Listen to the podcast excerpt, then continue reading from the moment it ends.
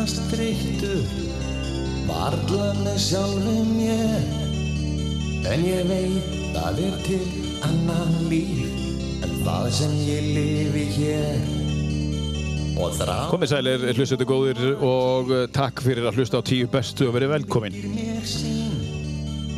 Sittum hér í podcaststúdíó Akureyrar í splunkunni í stúdíói sem var opnað hérna 1. februar síðastliðin og uh, hér er gott að vera á það er annar kostandi þáttarins psa.is getur þú fengið allar upplýsingar uh, hvað er að gerast í stúdíónu hvað sem þú ert á landinu, þá getur þú komið hinga og tekið upp þú ert að taka út pod podcastætti eða hvernig sem er eða ef þú vilt uh, ljá rödd þína podcastinu og býr hér á Akureyri þá er þetta staðurinn psa.is Og svo erum við með eh, kaffið.is sem eh, kostanda nr. 2 á þættinum eins og staðin núna.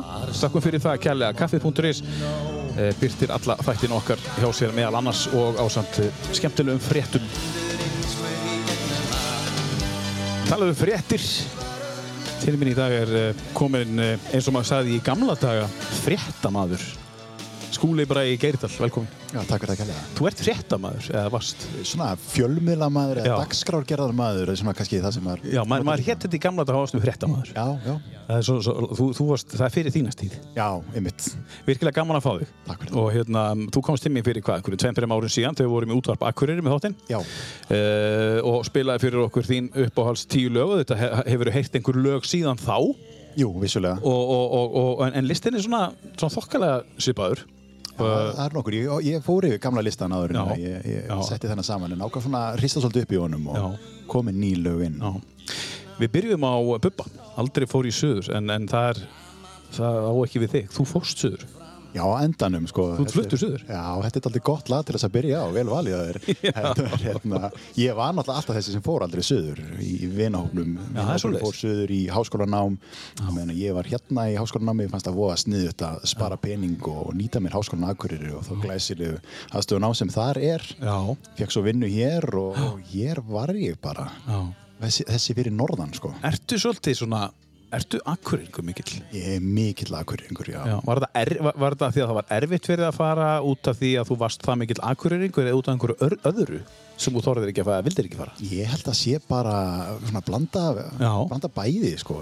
Maður er mikill akureyringur elska akureyri Mm. veit að ég kem hingað aftur það er alveg klárt uh, þannig að já, það var mjög erfitt að fara. Já, það, þetta, var mikið átak, ég ætla bara ekkert að skafa hann á því Hvenar, hvenar fluttur og hvernig líður í Reykjavík?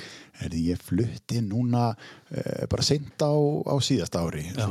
í november COVID ári á COVID ári, já, Já. það var mjög viðbúruríkt síðasta ár. Já, Þannig hérna, þá flutti maður, maður bara komið með mikið verkefnum fyrir sunnan og mikið að tækja fyrir þar en, en svo var ég með að ræða þetta e, við samkennarar hjá- upp í háskóla núna yfirleitt þegar maður tekur svona ákvörðun um að flytja ykkur Mhm. þá fer maður að horfa í alla hlutina til þess að sannfæra sjálfum sem þetta sé rétt ákvörðun hjá manni. Þannig að þá fer maður að finna að ykkur já, og ég þarf að fara að flytja út af þessu og þessu og þessu þannig að ég var alveg sekur um þetta ég var að reyna að finna afsakanir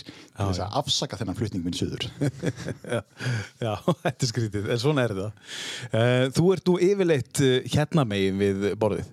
Jú, Eh. Og hvernig finnst þér að vera hinum megin núna? Vera bara, það er alltaf allt öðruvísi. Já, og, og þú tekur viðtölun, venjulega. Ég tek varalega viðtölun, já, Já. Ég mun sjaldnar hérna, en, en maður hefur líka gott að því. Já. það er allt öðru vísi Já. að vera svo sem svara spurningunum. Mér finnst þægilega að spyrja spurningana. Ég, ég líð því ekkert sko. Já, já, þetta verður ekki þannig, ég er ekki að fara að svara neinu í dag. Nei, Því er ekkert að spyrja mig, sko. Ég er kannski reyni samt. Já, þú bara ræði ekkert við mig. Já, maður bara spyrja. Uh, Segðu okkur aðeins svona hvað þú ert að dunda á daginn. Það er hellingur um að vera hjá þér skúli, Bræði um, uh, Þú byrjaði með, mér langar aðeins að koma inn á uh, tóliti uh, sem að voru í kringum flutningi eins söður Þið voru með spil fyrir áramótin sem þú ætlar að segja okkur frá. Já. um, og svo varstu líka með einhverja kaffibólla jú, að, Se, Segðu okkur aðeins frá þessu, þessu tennu fyrst. Jú, þetta eru þessi tvö verkefni sem að, maður er búin að vera að vinna í, í langan tíma. Þetta, þetta tók tíma að koma þessu. Þetta, svo komuðu þarna bæði á, á mjög svipuðum tíma og ég held að allir hafi haldið að þá hafi maður verið opbóðslega duglur þar á undan en þetta þetta, er langur aðdraðandi að gefa út vöru. Já, og hérna, jú, við gáum út hérna, ég og, og tveir, tveir vini mínir Mhm. sem búa fyrir sunnan. Gáum út spili kjaftaði já, sem er spil sem hún setur svona munngóm upp í þig og, reynir svo að gera þig skiljanlegan með, Algjörlega frábært spil. Já, takk fyrir það Það er algjörlega frábært. Þegar maður var að slefa og maður, veist, þetta er indislegt spil. Ég spila það á krakkanum mín, þetta er algjör snilt. Til hafa mikið með það. Já, takk fyrir það, takk fyrir það. og þetta var eh, gaman líka því við gerðum þetta alveg frá grunni sjálfur Já. ég teiknaði allan kassan og, og alla myndirnar og við sömdum alla setningarna sjálfur að við, við áttum rosa mikið í þessu Mhm. í þessari vöru og, og svo vorum alltaf með kaffibóllana sem komu hann rétt á undan sem eru þá fjölnóta kaffimál búin til úr kaffi sem heitir Já, umhverfismálið einmitt alveg stórkostlegt nafn. í skemmtilega ja, skemmtilegur orðaleikur Já, sko. mjög skemmtilegur. Og þetta er búið til úr kaffi. þetta er búið til úr kaffi og alls konar endur unnum Já. að Ekkert plast í þessu. ekkert plast í þessu. Uh, þetta er bara, þetta er sko alls konar bindiefni, náttúruleg ólíja og, og sterkjur en, en engin ónáttúruleg efni. Þannig að þú getur hent þessu bara í lífrænarusli þegar þú uh, vilt hægt að nota þetta en þú náttúrulega sjálfsögur vilt aldrei hægt að nota Nei. þetta því þetta, þetta er frábært mál. Ef þú ert með þá, þá þú getur grafið þetta í jörðu. Já, og þetta bara leysist upp. eða? já, þú mátt ekki borða þetta en, en þetta er, jú, þetta er alveg náttúrulegt alla leið og mér er svo, svo fallið sko fyrirtæki sem að framleiðir þetta úti og steipir þessa bolla þeir sækja sko kaffikorgin þegar búið að hella upp á kaffi á kaffihúsunum út í Þískalandi þá sækja þeir þetta á hjólbörum. Þeir eru ekkert að keira á milli til þess að minga kólfurins fótsporið Nei, sko, það, þetta er, það er hugsað út í þetta umhverfisvænt alla Já, leið ok, ok, þannig að það er verið að taka skref þar Já. Já, og það verður, verður meira, það er meira á leiðinni Það er meira á leiðinni? Já, í þessum túr. Ég talaði um að hérna, uh, varandi umhverfismáli, fólk talar um að það sé fyrsta skiptið og, og þeir skilja ekki af hverju þetta hefur ekki verið gert fyrr að það er actually kaffilikt af kaffibollan. Já, það er málið sko Já. að, hérna, Þó mann sé hreinn.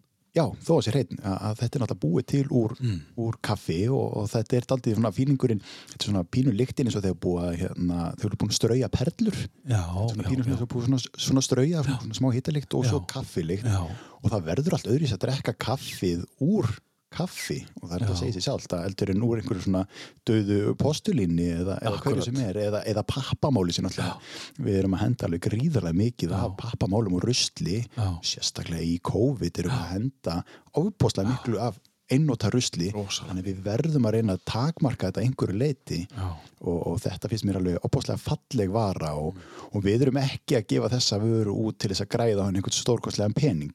Alls Nei. ekki, þetta er miklu meiri hugssjón að við séum að reyna að gefa eitthvað tilbaka og, og okkar draumur okkar blöyti draumur er að við munum útrýma þessum einnóta kaffimálum Já. sem við notum undir eitt kaffibólla og svo bara hendum Já, og svo fáum okkur annan og við hendum næsta máli. Já. Það, við verðum að sína meiri ábyrðin það Já. Er þetta þér hugleikið, þetta umhverfismál? já, það er það, Já. það er það og ég er, ég er en uppgötað þetta mál fyrst af okkur Já. og, hérna fann þetta bara út til markaði úti, þá komst ég í snertingu við þetta fyrirtæki og, og þetta finnst mér eitthvað sérstaklega þegar við erum að tala um það í þessi flutur söður sko að flokkun og rusli þar með flokkun og rusli hérna er já, maður ástundum ekki til orð sko. Nú, hver, hver er munurinn? það, munurinn er sá að þetta fer rosalega mikið eftir hvar þú ert þannig á höfuborgarsvæðinu hvernig flokk, uh, ruslið er flokkað og, og maður er að segja frá því að við sem er grænu trektin að að hella ólíun okkar og taka hana sérstaklega frá og, og að, með alla þá flokku sem við erum með okkar grendagáma að hérna, æ, þetta er samt svo flókið og, og hvernig nennir maður þessu? Þetta snýst bara ekkit um það hvort þetta er flókið eða maður nennir þessu þetta er eins og stjórnmál mm. veist, eru þau flókin og nennum þessu, þetta snýst ekki um það við verðum bara að sína ábyrgð, við verðum að sína þessu áhuga mm. bara sem þegnar í samfélaginu Já, rétt. Vel mælt. Þú ert, um, þú ert ímislegt. Þú ert grafiskur hönnur. Já, Ég, sést, þú, þú fóst í grafisku hönnun og hefur starfað sem slíkur. já, já, Já, og hefur tekið þar ímislegt. Þú hannaði spilið. þetta, þetta er svona viðkvæmt einhvern veginn hvað, hvað maður má kalla Já, sko, já, já. og ég held að fleiri lendi þessu að maður er ekki búin að klára námið Nei, en samt sem maður er búin að starfa við grafíska hönnun síðustu þrjú ár og, og byrjaði námið og, og hvað er ég þá? Hvað má, ég kalla bara þá þú hönnur? kallar þig bara skúlabraga. Þú, það er að eina sem þú getur kallaði með vissu. Já, já, ég fengi að lögsa út Þú fengi alveg en, en, en hérna en, en þú ert uh, já ok, skulum, ekki, skulum ekki nota orðið grafísku hönnuður þannig að þú fáir einhvern skell hérna uh, eftir þáttinn. Uh, þú, ert, þú ert hönnuður og, og, og þeir finnst gaman að hanna hluti. Já. þú hefur verið að hanna þú hannaður umhverfismálið og, og, og spilið og, og logoið í kringum umhverfismálið. Já. og við ætlum að setja það inn á, á, á, Facebooki hérna þegar þátturinn kemur út. Við ætlum að setja þessi tvö, þá getur séð hvað við erum að tala um. Uh, þú ert líka búin að vera hann eitthvað sjálfur annað. Einhverja vöru eða? Já, sko, ég er náttúrulega alltaf einhvern veginn að hanna og hvað er, hvað ert að gera í dag? Með, hvað, ertu, hva, hvað er gera í dag? Það, hvað, hvað ert að búa til í dag? Sko, það sem er mér mest hugleikið er uh, hönnun á ljósum Mhm. uh, og ljósakúplum og, og þar byrjaði náttúrulega sagan öll að, ég hannaði ljós sem lokaverkefni á fyrsta ári í myndlaskólanum hérna á Akureyri og þau slóu nokkuð vel í gegn þar og ég fekk mikið fyrirspurnum og ég er búin að vera að reyna að koma þeirri vöru uh, lengra Það hefur reynst mjög erfitt, þetta er ekki, það er ekki einfalt, það er ekki nóg bara að, fá góða hugmynd, það er mjög margt sem þarf að gerast á að vara getur komið út í búð. Þannig að, að það er enn í vinslu og búið að vera í vinslu mjög lengi og, og ég ætla rétt að vona og við erum með mjög skýr markmiðum hvernig við ætlum að koma þeim á marka núna uh, á þessu ári. Já, Og þið þá, teimið sem eru orðin, orðnir já, já, við þetta teymi- fyrirtæki A3 Eh, Þetta er AM3. heitir A3, fyrirtækið, það er þrýr En þar, þar eru við með spilið og, og bollana og, og við erum með nokkuð verkefni þar en svo erum, erum við bara tveir með þessi ljós. Já, það, já. Er, það er fyrirtæki sem heitir Olor Já, og hérna, þar eru við með alls konar hugmyndir og, og, það er eiginlega svolítið erfitt þegar maður fá svona mikið hugmyndum að ég komið vöru 2, 3, 4, 5 og 6 já. Þannig að hérna, vara nummer 6 kemur líklega einhvern tíma 2030 en Það er ekki víst, Já. hún gæti vel verið, hún kæði bara næsta ári. Svo veit maður Svo ef ég þekki þér rétt. Já, svo veit maður aldrei sko. Maðurinn sem að sest ekki niður klukkan 5 og, og, og fær sér kaffibólla, hann vinnur til 12 Er það búið að breytast hjá þér? Nei, mér, mér líður einhvern veginn alltaf best þegar ég er að, Já. að vinna eitthvað og, og einhvern veginn alveg sama. Núna er ég á akkurinn en fluttur söður Mhm. að, þú veist, ef ég fæ hátíðismat í hálftíma þá reynir ég að skipuleika eitthvað þar inn á. Mér líður best ef ég er með einhver verkefni. Já, eitthvað og, og það er ekki, ekki þannig end- endilega að ég líti alltaf á þessi vinnu eða ég sé Nei. að stimpla mig inn. Ég er, að, er að vinna við áhugamáli mitt og, og svo er ég að dreifa þessu. Ég er, í, ég er í hönnun í einhverja klukkutíma og svo er ég komin í dagskrágerð aðra, ég er í kennslu einhverja aðra þannig að dagurinn er mjög fjölbreyttur og, og þá getur maður ja, unnið eða e, hvað maður á að kalla þetta, bara lifað. Hefur alltaf verið svona virkur? nei, Nei. Það er ekki. Hva, Hvað breytist? Hvenær breytist þetta? sko, svona- ég held að Svona það ægilega orku þú- það er svo- þegar maður er með þið hérna nálan maður ma, ma, ma verður bara fyllist orku. Þú, þú ert ekki maður sem, sem rýfur á manni orku það er gott að þeirra Nei, að því, að því að þú veist það er til alveg þannig fólk sem bara alveg sogar. Meina, en ég fæ bara svona maður fæ bara svona, svona, boost. Hva, af hverju og hvenær gerðist þetta þér Ég held að í grunninn sé þetta þegar ég tók uh, lífstíli minn algjörlega í gegn, tók mig á, Já. sá hvað það gaf mér að takast á við erfiðleika, hætta stifla mig sem fórnaland og, og fórnalamb og, og, og taka ábyrð á þeim aðstæðum sem ég væri í, sá að ég gætt sigrast á því og komist alla leið og þá að sjálfsög fyrir maður að horfa á einhvern veginn allt. Ef ég get yfirstíð hindranir með þeim hætti að þær geti komið mér lengra, þá er sjálfsög að horfa á allar hindranir sem ég stend frammi fyrir, reyna að sigra þær, að því þær komið mér lengra líka. Og þannig hefur maður einhvern veginn haldið áfram að setja sér markmið. Maður byrjar á markmið á, á einu sviði, nær því markmið, maður setur sér ný markmið og, og heldur áfram einhvern veginn að, sækja, sækja þau öll og sækja þann árangur sem þið fylgir. Og þetta verður í raun bara að ákveðinni fíkn held ég að, að maður sækist í það að ná markmiðum endalaust. Þannig að ég held það að maður hafi getað sigrað þetta stóra markmið sem ég setti mér að, að, að létta mig umtalsvert þegar ég var, var komin í mikla yfirþyngd. Að ég held að það hefði gefið mér það sjálfströst að ég geti sigrað öllu markmið sem ég set mér. Ég, eh, ætlum að koma dýpar enn þessu umræðu aðeins setna í viðtalinu en, en, en það, þú ert ekki gamall þegar þú snýrir þessu við, þú ert ekki bara 15-16 ára þegar þú tekur þessu ákvörðin. Það sem ég er að meina er þú ert það ungur að, að var þetta þér þessi orka og þessi fram, framtækja semi eða hvað það er sko, er þetta ekki blóði, blóði er þetta ekki blóðin í hennu, þú fæðist, ég meina þú snýrði þessu ekki við í 16 ára eða 15 ára, hvað varstu gamall þegar þú ákvæmst bara, nú ætlum ég að breyta um lífstíl Já, þetta er rosalega góð spurning. Jú, ég, sko, maður er þú ert of ungur til þess að taka svona stór ákvörn þá, Já. ef þú hefur ekki haft þetta meina ég. Já, jú, líklega er það rétt hjá þér að það sé eitthvað í manni sem að hérna, Já.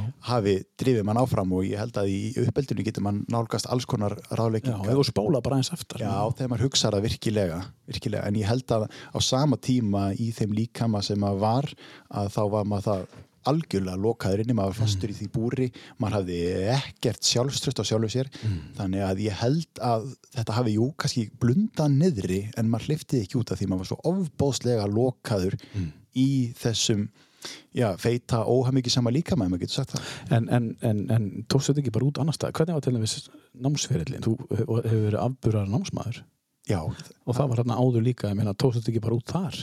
jú, ég svo sem það, það var alveg þannig að í gegnum alla grunnskólagenguna þá gekk mér mjög vel í námi. Já.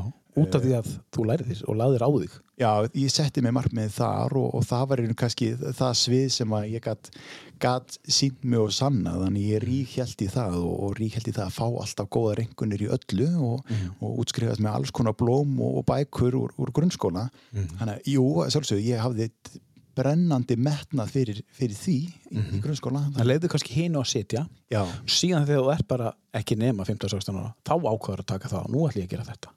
já þá ákvæmur einhvern veginn að færa þetta yfir og, og ég held að ég, held að sé alveg rétt að það að maður, maður nýtir þann metna sem maður hafði fyrir námunu Ég- í þetta já. verkefni sem maður tók svo að sér Mögulega sko. Já, held það Við ætlum að fara dýbra í þetta allt saman, Já. skúli og eftir og, og það verður- ég hlakka mikið til.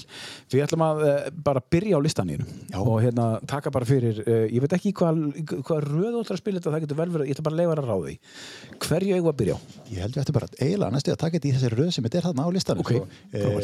að í listanum finnst mjög veðend að við byrjum á number one sem nummer eitt læginu sko. og það er alltaf einhvern veginn nummer eitt í, í mín hérsta Þetta lag, uh, number one, uh, þetta var á síðasta listaninu líka. Já, þetta var síðastur Af hverju er þetta líka á listaninu núna? Hva, af hverju fer þetta ekki af listaninu? Hvað gerir þetta lag fyrir þetta? Þetta er eitt af því fjórum, fimm uppáhaldslegum. Ég held þetta sé, þetta, þetta er lægið sko þegar að, þegar að mínir vinir hugsa um mig þá hugsaður um þetta lag. Þetta er lægið sem að ég hlustaði allt og oft á í, í framhaldsskóla. Allt og ofta á.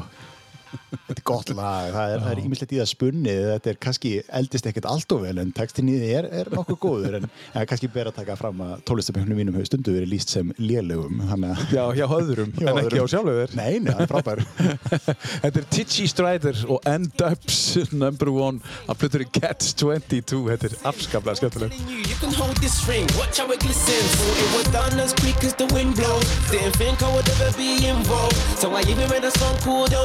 Telling you, you can hold this ring. Watch how it glistens. Thought it was done as quick as the wind blows. Didn't think I would ever be involved. So I even made a song called Don't Go. Now it's just you and me on a love road. We done it like D-Lo, us two tiptoes, that dive, get low. And now I care less about who knows. Now we're deep in way past intro, that be explained though. See, never did I think a boy like me would be in need when all I really wanted was to have some fun. No, I'm in my head. I'm telling you one thing, uh, you're uh. number one. See, I don't understand how you're number one when it was just a fling before. Now you're the one. Blink twice from my homie to my only number one.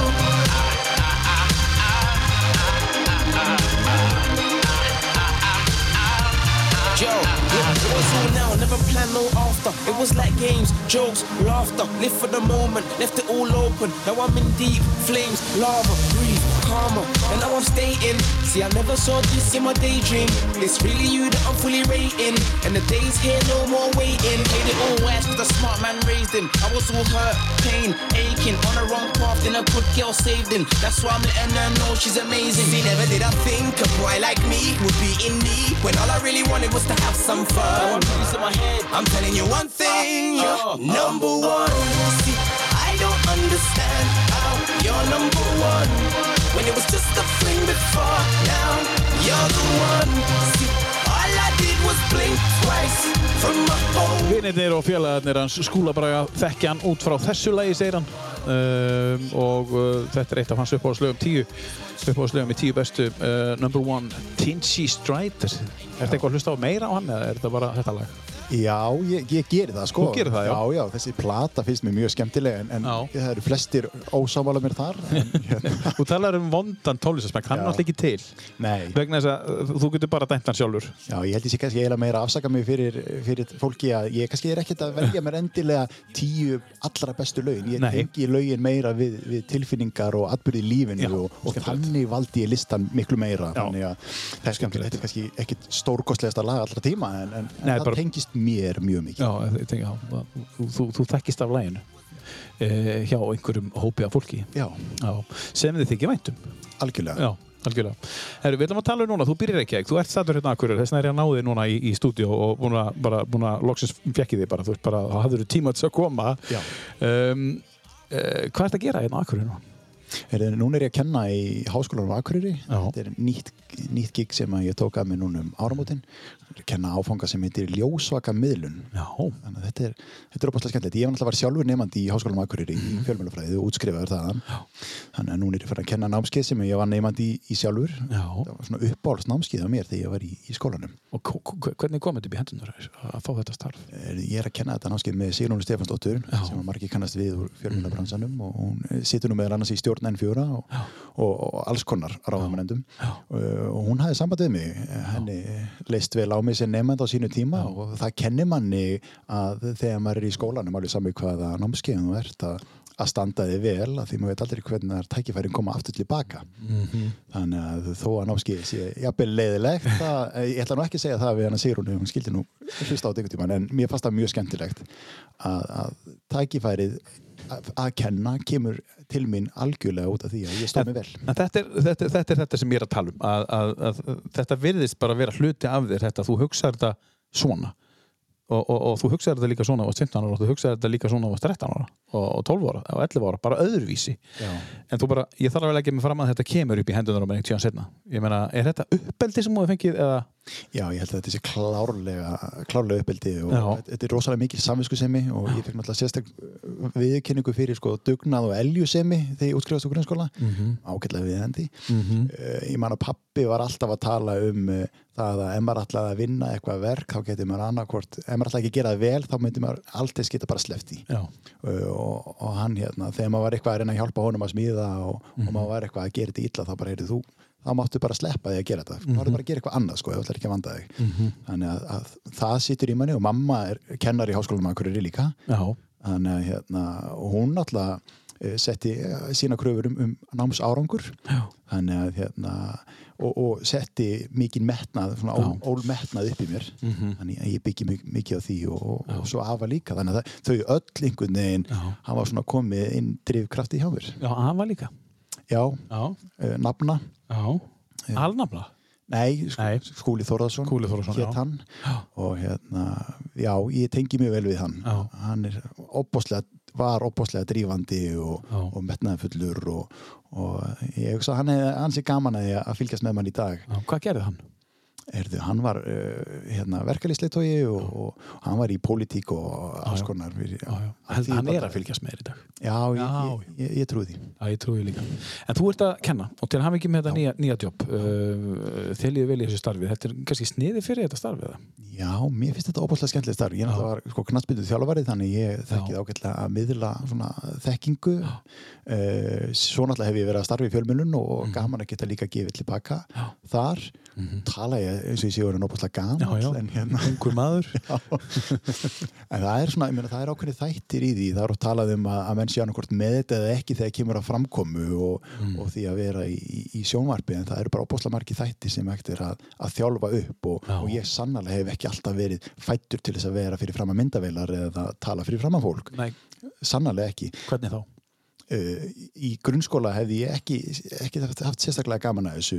Þá hefði ég svitnað mjög mikið í lónum og efrivörunni ef ég var að fara að koma í svona viðtal og ég hefði ekki haft neitt eriti fyrir fram að myndavel Nei. en uh, sjálfströst skiptir miklu máli og það skiptir miklu máli að, að hugað alls konar, alls konar atriðum í, í, í framkomi, við erum öll með okkar kæki. Það er gott að bara hlusta á sig og horfa á sig og þetta er allt saman þjálfun.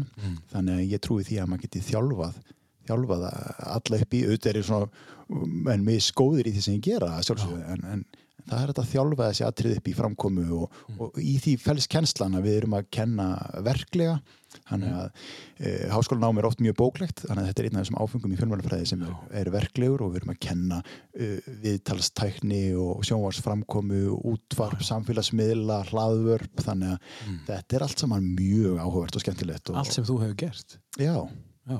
Og ekki yngri en ekki eldri en þetta? Nei. Þú ta getur talað basically af reynslu í, í, í, í öllum þessum er það ekki? Já, það er, jú, svona, svona kannski óbeint, jú, Já, ég held ekki ég held ekki að ég sagt það sko. Já, já. Þannig, að það er svolítið Já, en ég held samt líka sko að aldurinn í, í fjölumölum er oft svolítið afstæður. Já. Þannig að þú veist, þetta er kannski ekki, ég held að mjög margir haldi ég að verið mjög lengur í fjölumölum einhvern veginn. Heldur en ég er, kannski er einhver þrjú ár sem ég... kannski að því að þú ert fær þá getur fólk hugsað, já svo ertu líka búin með þú, þú búin með hundra þætti í, í, í einum þætti sem heitir taktikinn er komin hundra þætti þar Já. og þú ert með hvað, fjóra aðra þætti Já, ég, ég var eitthvað að tella þetta saman bara svona Já. að ganna um daginn og ég var komin í hátt í 400 þætti sem ég hef Já. komið að og 350 sem ég hef bara hreinlega stýrt. og, og kynnt fyrir framann myndavel Já, já, og þá voru að tala um sko hálftíma þætti já. þannig að sko hálftímanar og klukkutímanar sem ég hef verið á skjánum eru odnir töluvert margir og svolítið margir fleiri sem hafa verið teknir þá upp og fóru ekki á skjáin það er, það er eitthvað, eitthvað efni þar líka. Uh, ef, jú, efni sem er klift út er mjög langt líka. Þannig að á þreymar árum eh, við erum að tala um átt í 400 hálftíma þætti mm. sömur klukkutími það er alveg það eru hundra þættir á ári. Já, og það eru tveir þættir í viku meðaltali, já, gerir aðri beður já það, það hefur komið fyrir að maður sé á skjánum alla daga vikunar þannig hvernig, finnst þér það? að það, það er mjög skrítið ég held að ég, held að ég, ég get ekki verið það skemmtilegur sko, nefnir ég sjá það en, En, horfður á sjálfur á sjálfan þig gaggrínið til þess að læra betur eða finnst þér það óþægilegt? já, ég ger það Þú gerir það? Já, óþægilegt, já. Ég held Já, að flestum finnist óþægilegt að hlusta á sjálfan sig og hlusta á röddina sína og Já. flestum finnst óþægilegt að horfa á sjálfan sig en, en Já. þú verður að gera þetta til þess að verða betri. Þannig að jú, ég horfi mjög gaggrinum augum á þetta og þar kemst maður að því að maður sveiflar höndunum eða snerti nefið á sér oft og segir bara enn og sko eða eitthvað inn á milli og við eigum öll þess að kæki og, og að það bara vera meðvitaður um þá, það er engin fullkomin en maður getur svona reynd að slípa það af sér. Já, einmitt, það er nefnilega hægt ef, ef þú veist af þeim, þá ertu alltaf þú, þú, tekur alltaf smá saman út Já. ef þú vilt taka það út, en Já. þú getur ekki gert það svona maður getur ekki þetta svona Nei. og, og svo verður maður líka passið að halda svona sínu karakter að vera eðrilegur og Mm. maður hefur reynt það að að vera ekki að reyna að leika einhvern annan vera fylgjengur um öðrum Mikilvægt. ég held að það sé mjög mikilvægt og þú hefur náðu að vera þú sjálfur alveg frá fyrsta degi já, mér finnst það og ég held að kannski líka skipt máli að ég var ekkert endilega að stefna á það að fara í fjölmiðla, alls ekki. Þegar Nei. ég fór í fjölmiðla fræðina alltaf ég þess að fara að vinna á auðlýsingastofu og, og hafði áhuga á hönnun. Já. svo fæ ég bara þetta tækifæri. Þannig að ég, ég oft fengi það líka ég er ekkert endilega að tróða mér alltaf fyrir fram að myndaðalina sjálfur Nei. ég veist það líka vand með farið. Það er ekki alltaf þannig að maður þurfa að vera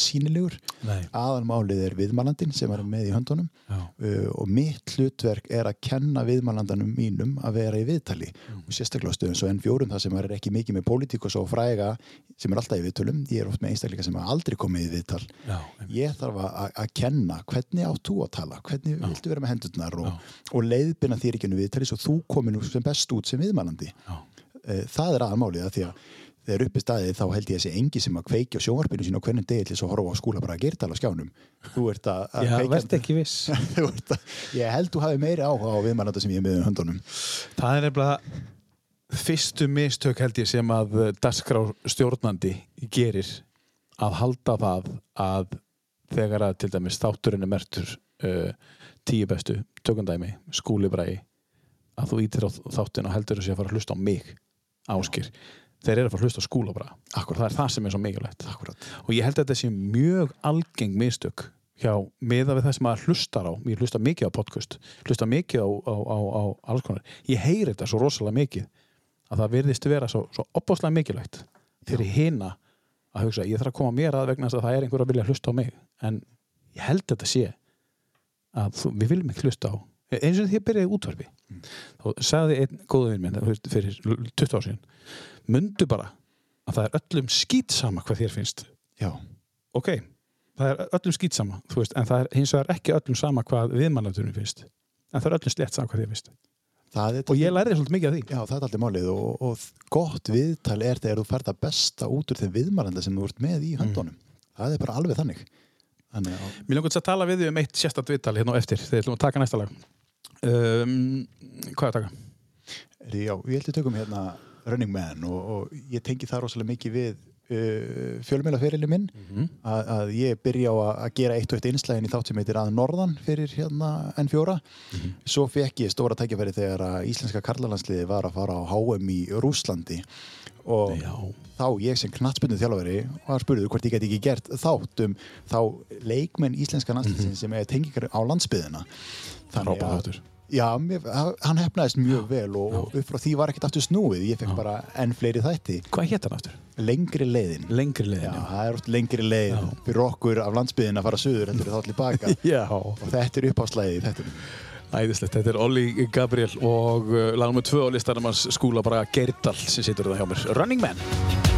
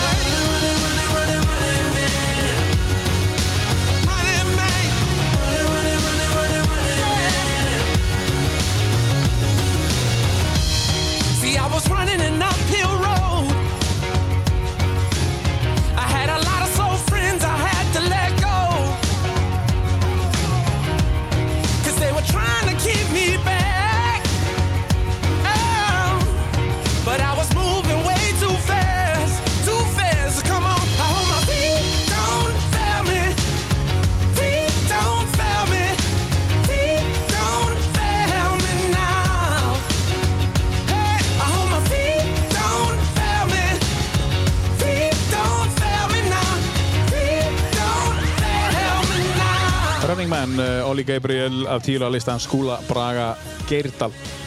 Uh, mér langaði til þess að spyrja það að viðtali, sérstöku viðtali. Þú er búin að vera í þrjú ári í fjölmjölum Já. og ég veit að það eru fleiri einstaklingar sem hafa verið lengur en þú í fjölmjölum hafa aldrei fengið að taka viðtal við fórstöðhjónin. Já, Þú tókst viðtal við hjónin núna fyrir jólinn. Já ég, Getur þú sagt okkur aðeins hvernig, hvernig, hvernig, hvernig svo upplifun er? Ég veit að þetta er bara fólk en þetta er samt fórstöðhjónin. já, ég veit að það er hérna, maður á auðvitað að, að taka öllum, öllum viðmælendum eins en, en það eru sumi viðmælendur sem ma- maður horfir á svona aðeins öðrum ögum og hérna, e, það eru þau og, og svo annað viðtal sem við Vigdísi Fimboðadóttur, það er svona viðtölu sem ég hef kannski orðið svona stressaður yfir Já. hún er svona kannski það sem kennst næst í að vera einhvers konar drottning eða royalty hérna á, á Mhm. Íslandi en, en það er mitt þessi ég fekk að fara í heimsókn á, á bestastæði núna uh, í desember síðast ári 2020 Mhm. og uh, fekk þar að koma í heimsókn til Elísur Rít og, og Guðna Mhm. og það var mikil upplifun og við stiltum þar upp í, í viðtal og hún lögðum upp með að þetta væri nú ekki, ekki offormlegt að þau fengi nú að vera svolítið létt líka sem þau lefðu sér alveg, þau voru svolítið að grípa fram í hvort öðru og Já, já. gattast og, og ég held að við náðum svona ágætlega að þau væru bara eðlilega því að þau eru þau eru ofbóðslega ofbóðslega þægileg, maður fekk það aldrei á tilfinninguna að, að maður já, maður var ekki velkominn inn á bestastæði Einmitt. Maður hefur aldrei fengið eh, þá tilfinningu með hjónin þó að maður þekkið ekki neitt og hefur aldrei tekið viðtölu við þig að þú fær einhvern veginn þess að upplifin bara þetta er bara óskup vennulegt fólk sem er bara indalt og gott. Já, ég eiginlega bara, ég, ég teki viðtal við Guðna fórsetta einu sinni áður Já. og ég vissi nú ekki, hann setti mig algjörlega úr, hérna, úr gýrnum af því að hérna, það var upp í háskólum á Akureyri og ég var búin að undirbúa mig undir viðtalum og stilla upp og, og svo kemur hérna, einhver aðstofamæður með Guðna bara hérna er, hérna skúli hann að að taka viðtalið Nei, á nú að fara að plata mann í taktíkina maður. Það er Já. fyrsta sem að segja fórsett Íslands og ég bara byttu Búin að horfa á þættina. Búin að horfa á þættina og bara vissi nákvæmlega hver ég var. Ég bara, hvernig getur þú fylgst svona með sem fórseti landsins? Já, og já. það sem hann gerir núna þegar ég kemur á bestastæði fyrsta sem hann segir er bara flott viðtalið hann í í Ísland í dag, hvernig þú tókst þið allan á og svo byrjaði hann bara að tala um mig. Hann hafði óbáslega áhuga á mér og, og, og Það það ég meina, eh, það kemur reyndar ekkit óvart. Það er fylgst með þér. Já, og það er fólk að fylgjast með þér. Það er nú bara þannig. Þó þú hafir ekki hugmyndu það sjálfur. Já manni finnst þetta svona já, kannski svolítið skrítið og ma Já, já. maður mað sér það ekkert alltaf en, en jú, En þetta kemur alltaf til þín, það, það. Það gerir það. Þetta kemur til þín. Já, það gerir það. Ef þú stendur þig vel í einhverju, þá kemur þetta til þín. Það gerir það. Já. það er einhvern veginn, eh, maður hefur ekki verið eh, mikið í vandræði með að fá verkefni bara því að Nei. verkefni koma til manns og ef maður stendur sér vel í einu það spyrst út og við búum nokkið á sérstaklega stóru landi þannig að, Nei, nei. að þetta, þetta spyrst alltaf með út sko en, en, en þetta var, þetta var óbúslega skemmt þetta var mjög heimilislegt, börnið Já. er að koma þarna til okkar líka og fóru að skoða græðunar hjá okkur og Já.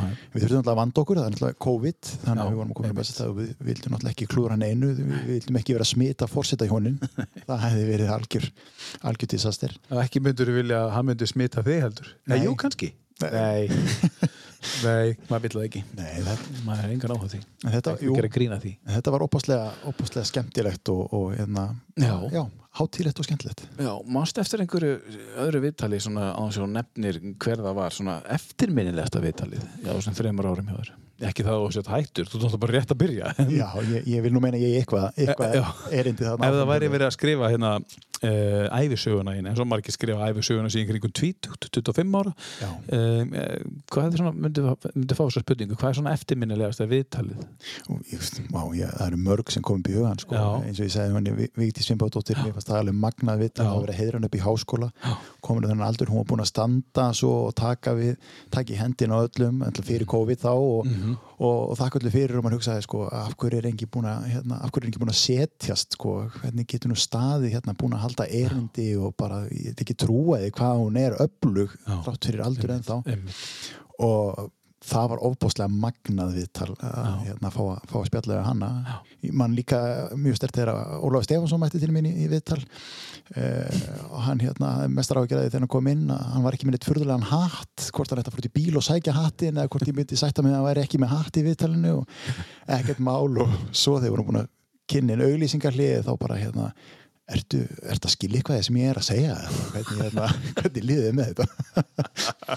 Hann veit að því sjálfur hann geti verið svolítið pínu já, Já, við eigum kannski stundu svolítið erut með að skilja já, en, En það er bara, þú veist, það er æðislegt. Það er bara Óli Stefáns, ég alltaf allir eftir þessu viðtali sem hann tók hann eftir einhvern leik.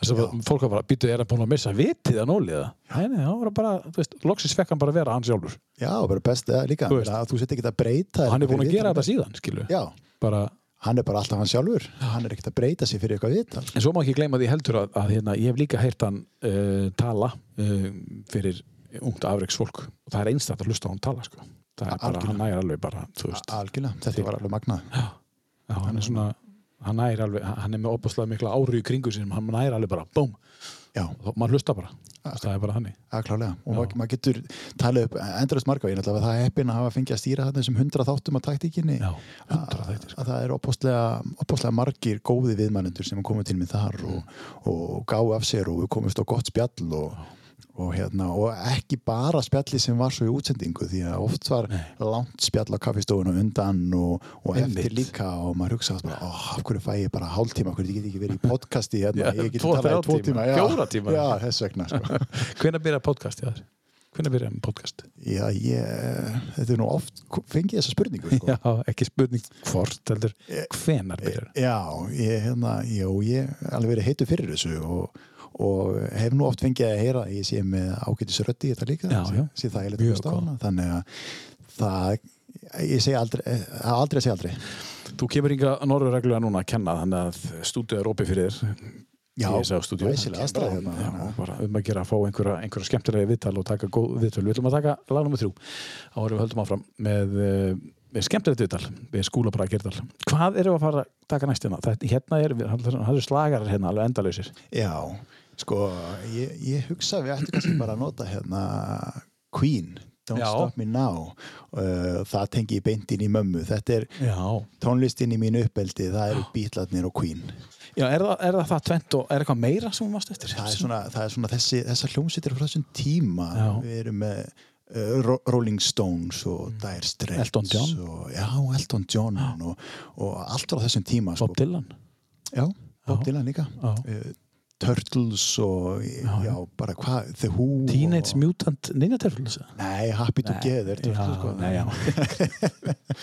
já, já, það er ekki alveg svo gott Nei, ég, ég, ég valdi þetta, ég hef nú getað valið ímislegt Já. og Bohemian Rhapsody hefur nú kannski verið svona besta lagið en, en ég ákvaði að velja Don't Stop Me Now því við erum, svona, ég hugsa þetta sem svolítið svona hvetjandi að Mhm. hérna, við erum að fara ekki alls konar sögur að takast á erfileika og maður getur allt, öll markmið sem að setja sér þannig ég hugsa, Don't Stop Me Now er engin spurning, engin spurning. Þetta á bara mjög vel við í dag líka bara í, í, í, á þessum tímum okkar núna. Já, Ertu búin að fá sprautuna? nei. Nei, herra, höldum áfram hérna þetta er smásett, þetta eru Queenararnir og laga nummer þrjú og listar má skúla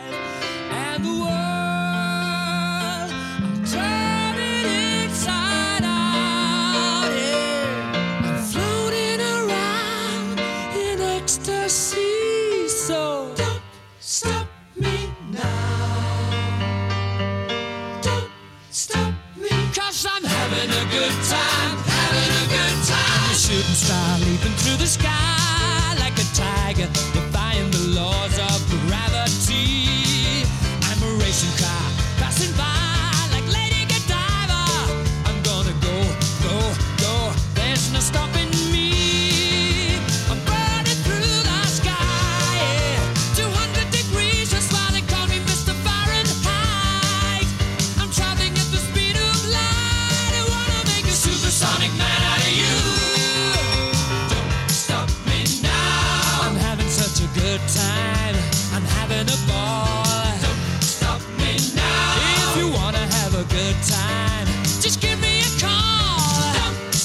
Sittur hérna hjá mér hann skúli bara í Geirdal eins og veist uh, Geirdal Gerdal. Þú varst ekki skýrður Geirdal Nei.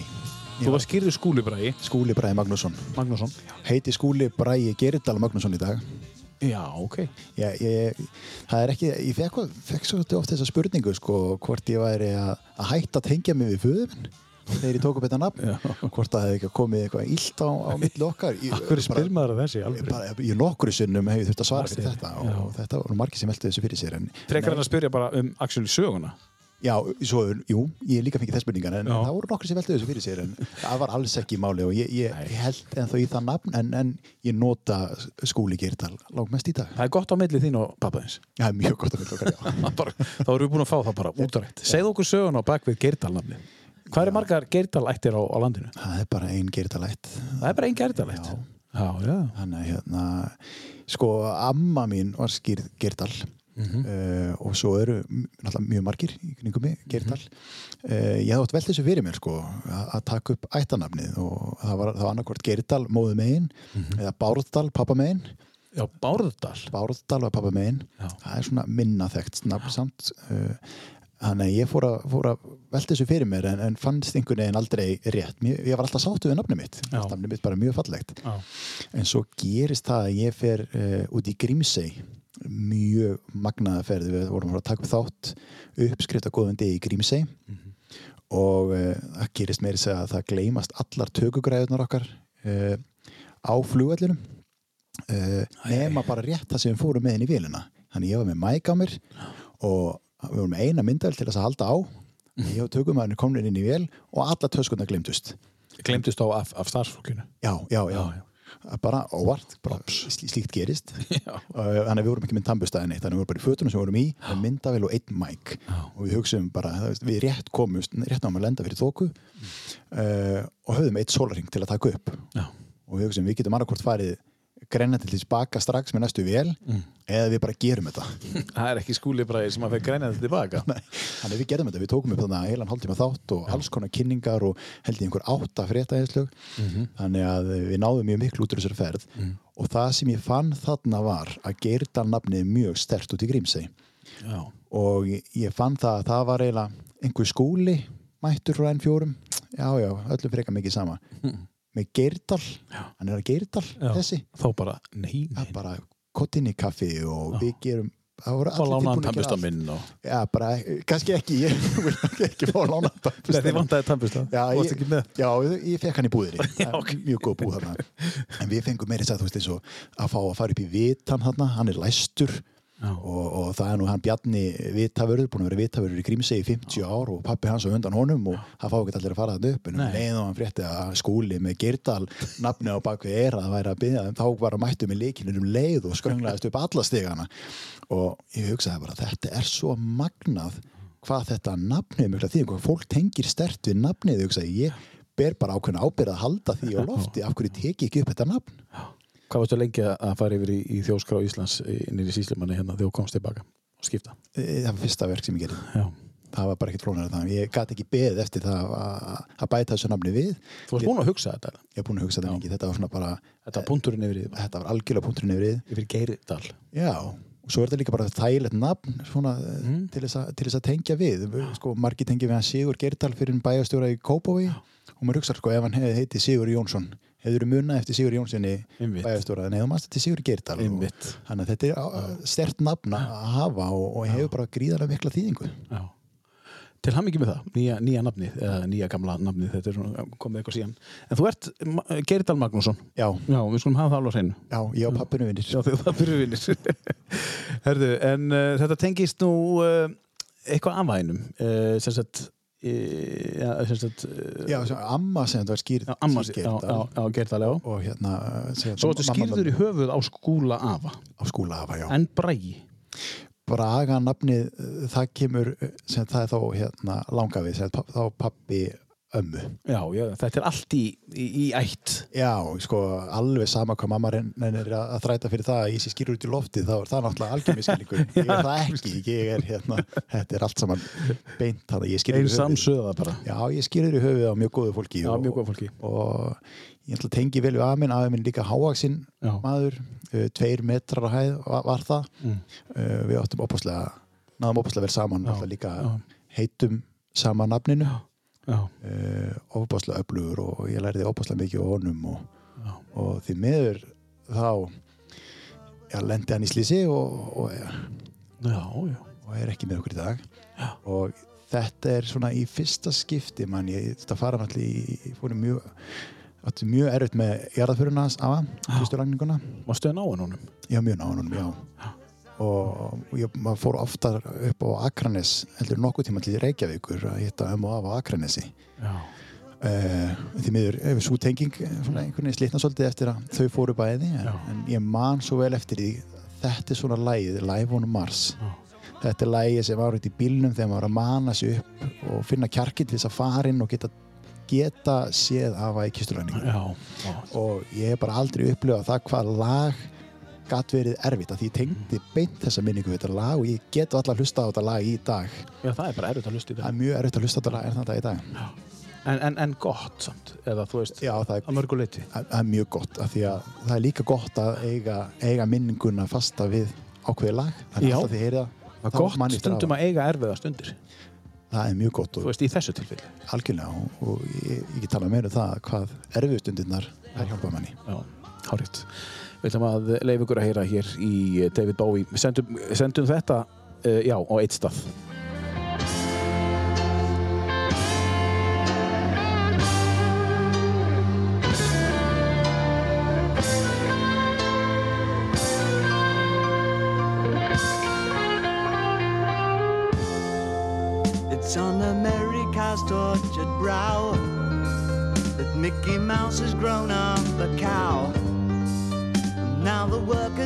Struck for fame. Cause Lennon's on sale again. See the mice in their million hordes. From Ibiza to the Norfolk Broads. Rule Britannia is out of bounds to my mother, my dog, and clowns. But the film is a sad thing more. Cause I wrote it ten times or more. It's about to be writ again. As I ask you to focus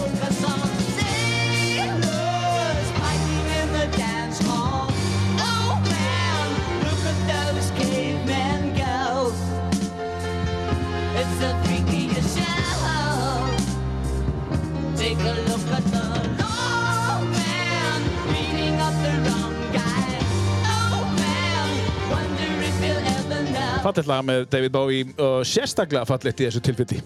já, Mjög. gott að heyra þetta Já, erfitt en gott Erfitt en gott.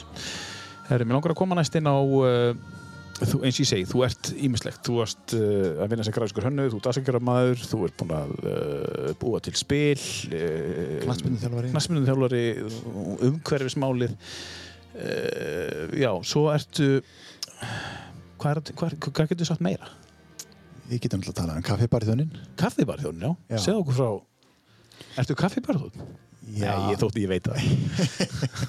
já það, það er svoleiðis, ég er búin að vinna á ýmsum kaffihúsum Ertu þá barista eins og maður segir? já, Hvað, getur þú sagt okkur hvað það er? Bar, það er í raun bara, já, barista er bara heitið yfir kaffibarþjónum sko þannig Nú er ég að reyna að undirbúa mig fyrir þetta vital og fara að skoða einhver kaffivídeó og ég sendi þér eitt kaffivídeó þetta í dag sko, þú veist eitthvað svona, að því ég veit ekkert um þetta það var heimsveistarmóti eða eitthvað svo leiðis uh, og þannig er maður sem hann þarf að búa til latte og eitthvað eitt enn. Já, og hann vinnur. Veist, meina, hvernig, hvernig vinnur þú svona keppni? Veist, ég er mjög forvitin að heyra veist, hvernig, það eru allir sem búa til mjög góða latte sem eru komin á hinsvæmstarmót Já. en hvernig dæmuru sigurbollan Það er bara svo óbóðslega margir þættir sem ert að hafa í huga þegar þú ert að laga góðan kaffibólla og gott kaffi er ekki saman gott kaffi. En svo vil ég líka reynda að meina það að sko gott kaffi upplifunin hún hefur alltaf áhrif þannig að uh, þú getur í raun sko góður kaffibólli hann getur verið líka bara góður fyrir það uppáhald kaffi heima og mm. afa getur alveg verið mjög góður kaffibólli þó að hann fyrir líka eftir hvað ástúð setur í hann en, en eins og þessum mótum það er náttúrulega verið að, að, að dæma alls konar atrið þú ert að fylgjast með náttúrulega þrýstingnum þú ert að fylgjast með sko hversu hérna eh, fín grófmalað kaffið er þannig þú ert einhvern veginn að para það saman við vélina sem þú ert að vinna með.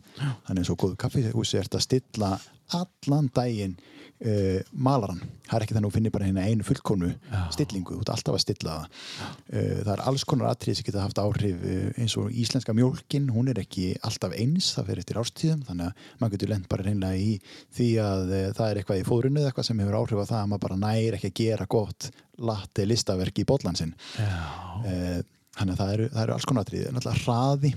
Fljótur að gera uh, uh, maður sér á mörgu vélum það eru tímastiltar þannig að espressoin hann bara rennur nýri í, bollan og, og svo stoppar vélið sér sjálf. Það, það viljum við ekki sjá. Nei, við, þú vilt svona handknúð Já, ég, ég vil sjá að þú fylgist með bununni og þegar þú sér það á bununni og hún er klár, þá stoppar þú vélina handvirð. Þá ert að pæla í bollanum. Svo horfur í kremmuna sem að kemur ofan á.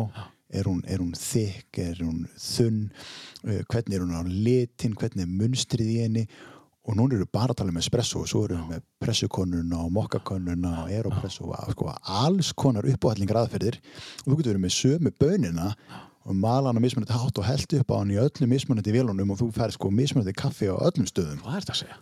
þannig að þetta er svo opaslega pælingar og mér er svo opaslega gaman að í þessu og, og fara alla leið í, í nördaskapin í þessu að, að hella upp á og teikna svanin og indjánan í bollan og allt þetta. Og það enn og aftur, ef maður stendur sér vel í því sem er að gera, þá kemur næsta tækifæri og, og það er alveg þannig þessari sögu mér. Ég var að vinna á nokkur kaffi sem var að vinna upp í, í listigarði og svo te og kaffi og te og kaffi þá er bara hreinlega viðskipta vinnur sem kemur og talar við mig. Bara heyrðu ég fæ alltaf svo gott kaffi hérna hjá þér og, og ég vinn hérna hjá Vívilfell sem er núna Coca-Cola.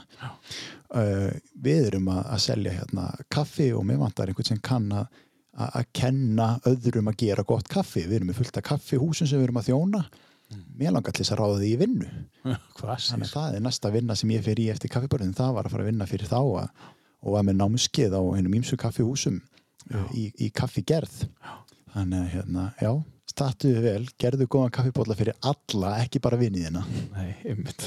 Akkur að legðu, legðu sálið þína alla í hvern einasta bolla. Já, þetta er alltaf þannig. En, en, en sko e, þú, ég er ekki alveg farin að skilja sko, að því að þú veist, maður, ég er með baunavel heima ég skil hvað þú segja, en, en, sko ég er með baunavel heima og ég er í takka og, og það kemur alltaf saman bræðið, þú veist. Ég, ég finn ekki mun á, á, á, á bræðinu um, þú þú, þú, uh, fyrsta leik, hvar lærið þú þetta? sko, svona út um, út um allt einhvern veginn. Já. ég, ég byrjaði við fengum námskeið í heila viku í Lagstallshúsi þar sem átti að opna kaffihús. Þannig ég fekk heila viku þar í námskeiði sem að endaði svo á að vera aldrei neitt. Uh, annað námskeið uh, ég mitt í listigarðinum þegar ég var á, á kaffihúsinu þar. Það var vikun námskeið og svo er þetta náttúrulega eitthvað sem hún læri bara uh, meðfram sem hún ert að gera. Og, og svo vorum við þannig að nokkur í komni saman og tefa kaffi, við vorum náttúrulega alveg ótrúlega, við höfum allir svo brennandi áhuga á þessu. Já.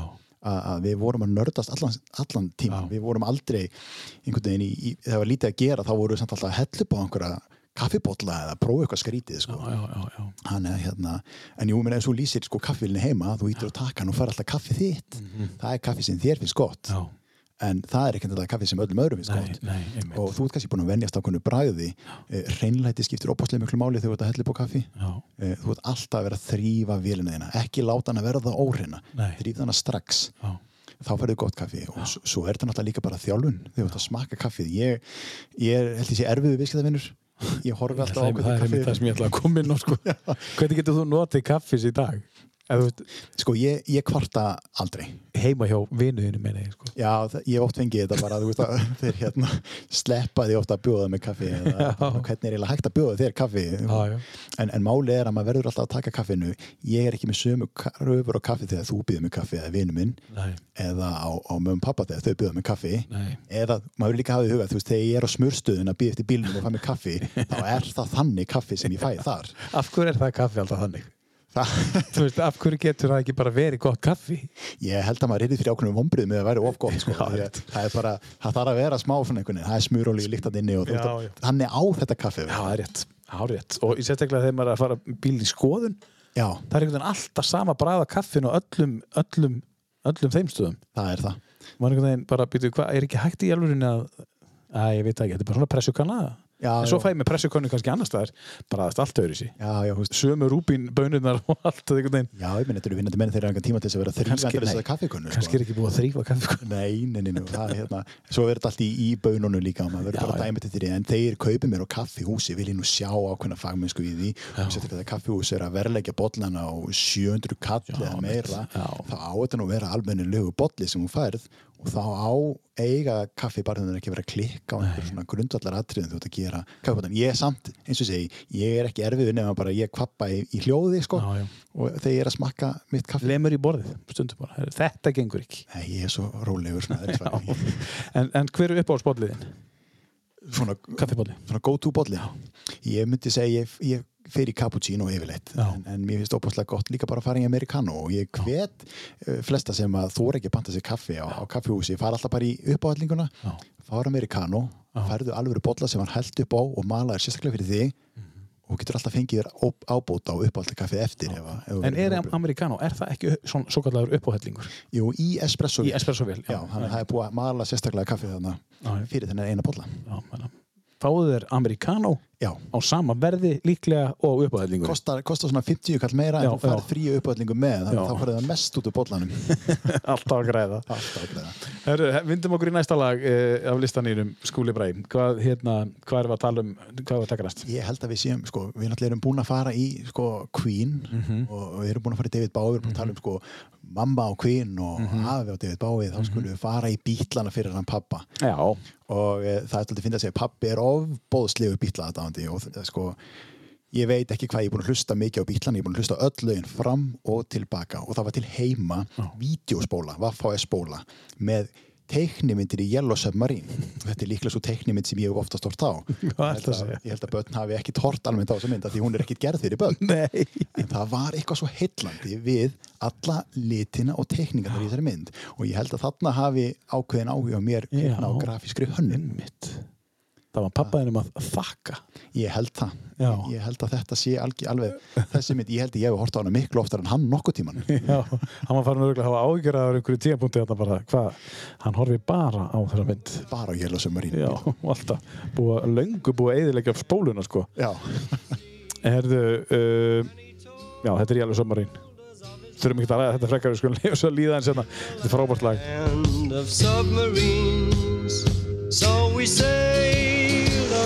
the sun till we found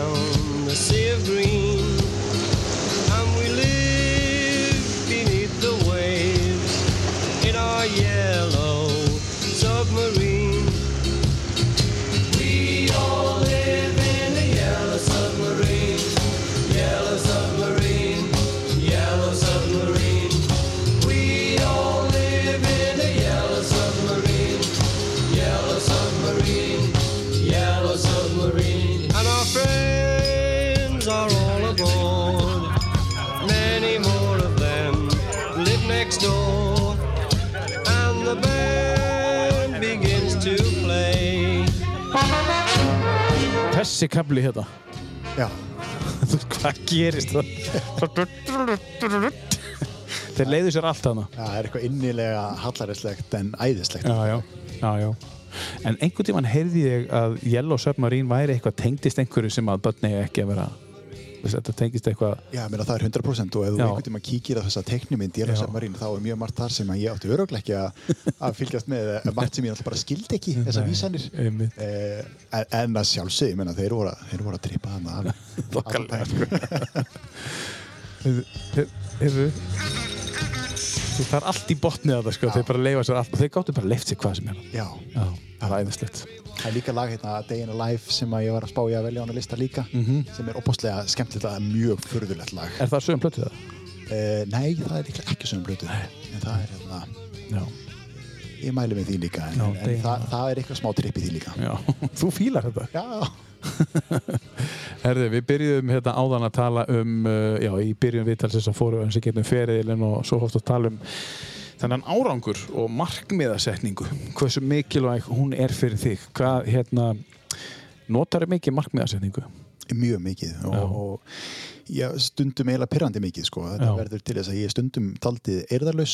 Ég á til dæmis mjög erfitt með að- búa í húsi þar sem er búið að gera allt upp.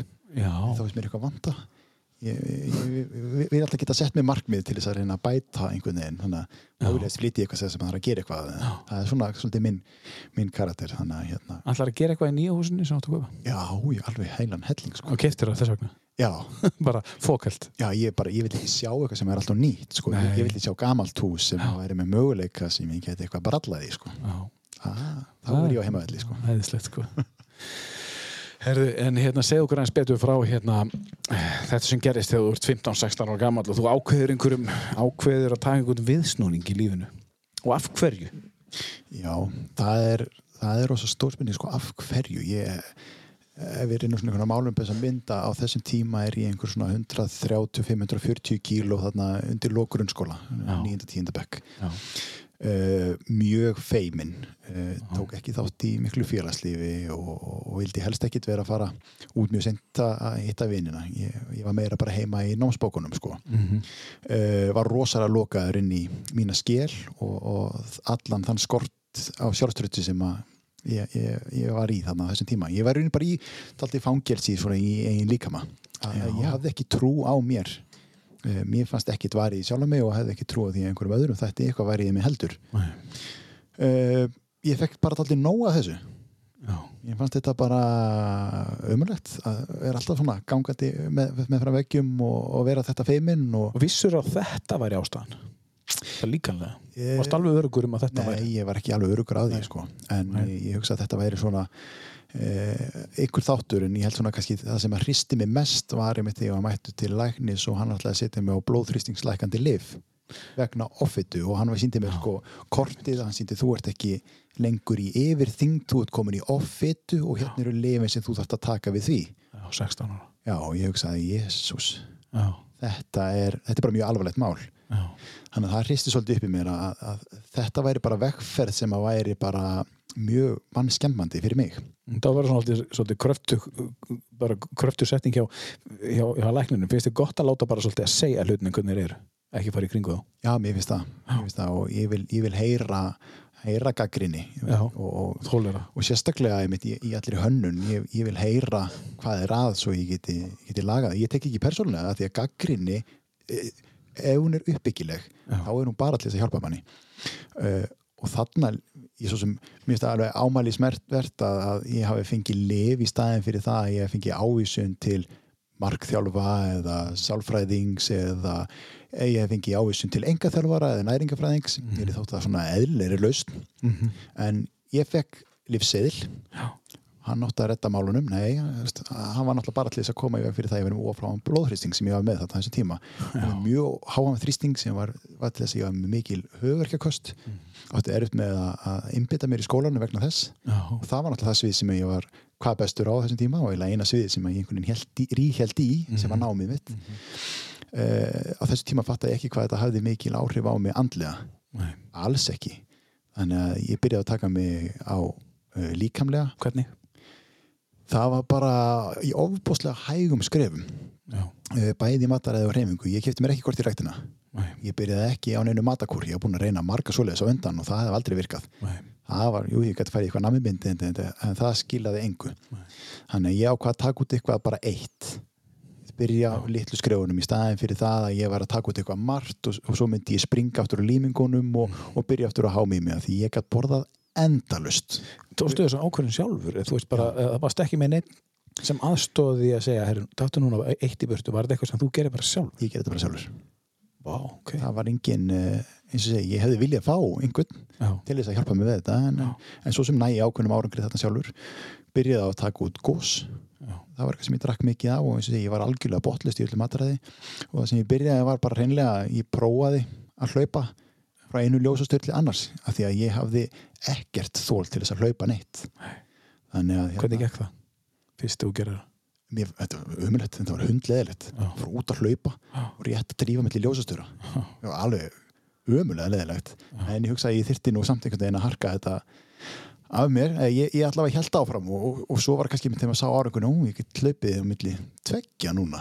Og svo þryggja maður, þetta var svo, svona þægileg skref til þess að sjá, veist, nú er ég að sína smá bætingu og það veitti manni mikla veljuna tilvinningu alveg eins og þegar maður lærði utan að eitthvað í, í skólabókinni og það var alveg eins bara, nú er ég búin að taka út gósið og ég er alveg hættur að hafa einhverju löngun í gós og hvað ger ég þá? Já. og ég prófa að gera þetta með eitthvað annað, ég taka út brauð núna Já. og ég valdi þetta bara algjörlega sjálfur og ég valdi líka tímasetninga það sjálfur ég valdi það, Er það ekki svolítið mikilvægt? ég held að það sé mjög mikilvægt Já. að Er það ekki key thing að maður sé ekki að fylgja einhverju endilega fastmótuðu mataprógramu ég óttur í spurri ekki mataprógram, já, prógram fyrir mig mér langar að létta sem þú en, en ég gerði þetta svo mikið á mínum forsendum Já. þannig að í þessari viku tók ég út gós og næstu tók ég út brauð kannski lítið nokkra viku líða þá kannski mér leið vel með gósið og Mhm. svo tek ég brauðið bara þegar að mér leið vel með það Mhm. þannig að breytingin hún átti þessi staði við langan tíma mm. þeir sem að þekktu mig tóku ekkert endilega eftir ég væri eitthvað að létta minni sérstaklega Nei. ég er ekki þetta dæmi sem að misti 30 kíló á þrejum vikum og fór fram á, á fórsíðu vikunar Mhm. heldur var þetta meira svona e, þegar þú sást mig eftir 2-3 ár wow, byttu, það gerðist eitthvað hérna og það er líka breyting sem að bý 2-3 að í dag. já, þetta, já. Þú, ekki, þú sást ekkert breytinguna nema kannski milli ára, þetta voru bara nokkur kíló í einu yfir langan tíma. Alveg einstætt. já, Hjá svona ungum manni. já, Sko það er það sem ég finnst svo einstætt við þetta að, að þú gafst, gafst þér enn tíma þegar að fullori fólk getur ekki eins og gefið sér tíma. Nei, sem á fjölskyldu og börn og allt það bara tökum eitt skrifa inn í gefum okkur árið þú ert annað 15 ára þú veist, þetta, er mjög, þetta, er, þetta er aldur það sem að þú ert kannski farin að spá í stelpur og eitthvað skilur og þú vilt að hlutinni gerist en núna Já. þú hugsa bara eitt í einu Já, auðvitað hefði ég viljað það og, og maður, var, var að spá í stelpum En á? þær voru ekkert að spá nýtt í mér sko. Nei, en eftir á, eftir á, meina, hefður þið viljað gera þetta öðru sér? Nei, al, alls ekki uh, og eins og segi, ég var bara líka búin að prófa að taka ykkur að kúra og, og falla þeim Já. þannig að það, það gekk ekkert og það var ekki löst fyrir mig mín löst var ekkert í því eitthvað ég þyrfti að þyrfti að, lausni fyrir mig var ekkert endilega það að ég þyrfti að vera óbúslega léttur og grannur eða með sixpack. Það var ekkert að fara að hjálpa mér. Það sem var að fara að hjálpa mér var það að sjá að ég gæti sett mér markmið og ég geti náð þeim. Það sem ég þurfti að læra var það að ég get að vera erfileikar og ég gæti ekki alltaf skilt mér á baku það að vera fórnalambið heldur þurfti ég að yfirstíga erfileikana og það er það sem að hjálpaði mér. Ekki eitthvað, endilega eitthvað form heldur það að ég geti sett mér markmið náð þeim, tekið skrefinu lengra í að verða betri. Og, og það er það sem ég býjað í dag sérstaklega. Í dag er ég ekkert eh, jú, ég lifi mjög heilbröðu lífi í dag og hugsa um mataræði og hreyfingunum mína mjög mikið, en þetta er engin kvöð það er aldrei þannig að ég er erfitt með að ég, ég þarf ekkert að vikta matið minn frekar en ég vil það Þetta er svona eins og maður kallar þessi típiska lífstílsbreyting sem að uh, þú, lífstílsbreyting sem að þú bjóst til Já. og skapaðir sem að fólk er að reyna að búa til á þrem mánuðum sem að er náttúrulega ekki lífstílsbreyting það eru kúrar. Já, það, eru kúrar og þá er einhver annar að segja þér hvernig þú verður að gera þetta. Ég vil líka geta valið það mataræði sem mig langar til þess að borða Einmitt. en ég vil þá geta sætt mér mitt eigið hóf. Einmitt. ég er ekki alltaf með næringaráðgjafan eða engaþjálfaran þessa fræðinga sem ég var að kalla eftir ég er ekki alltaf með þá á mér. Nei. ég verð að taka ábyrð á mínu eigin lífi ég verð að taka ábyrð í þessum litlu ákvörunum í okkurum einasta degi. Ég get ekki alltaf verið með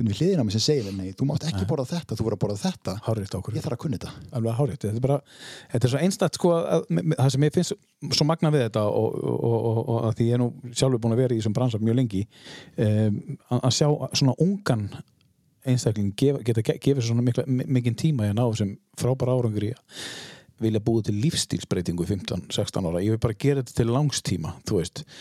Um, hefur þetta hjálpað þér í öllu því sem þú ert að gera í dag að múrarnir sem þú braust þarna þegar þú varst 15, 16, 17 ára gamall.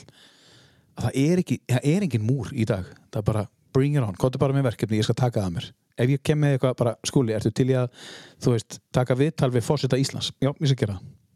Uh, af því að þú ert þú ert búin að læra svo rosalega mikið á þessum tíma. Ég er alveg 100% á því að það er þessi andlegi ávinningur sem að ég grætti á þessu. Mm. andlegi ávinningurinn allt sjálfstrustið uh, það geisla meira af manni og, og maður sér það að erfileikar eru til þess að yfirstíga þá og þegar þú gerir það þá kemstu lengra. Og, og þú þarft að takast á við erfiðar hluti líka. Lífið er bara þannig, við getum ekki alltaf verið að svífa á einhverju skýi og við getum heldur ekki alltaf mála okkur sem fórnalamb aðstæðina, við þurfum stundum að taka ábyrð á þessu sjálf, þetta er ekki alltaf einhverjum öðrum að kenna.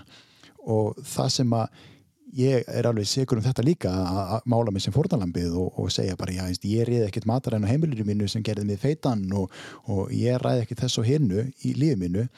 En samt sem áður, ég lifi með afleðingunum og afleðingarna þær breytast ekkert nema ég taki þeim.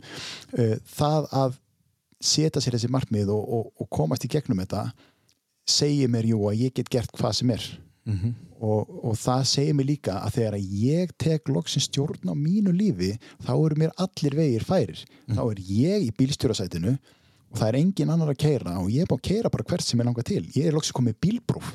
Það verður kannski það sem að maður uppgötaði þarna þessum tímpúti um, er einhver möguleiki í því sem þú ert að kenna í dag í háskólanum þó tengist uh, hérna allt öðru?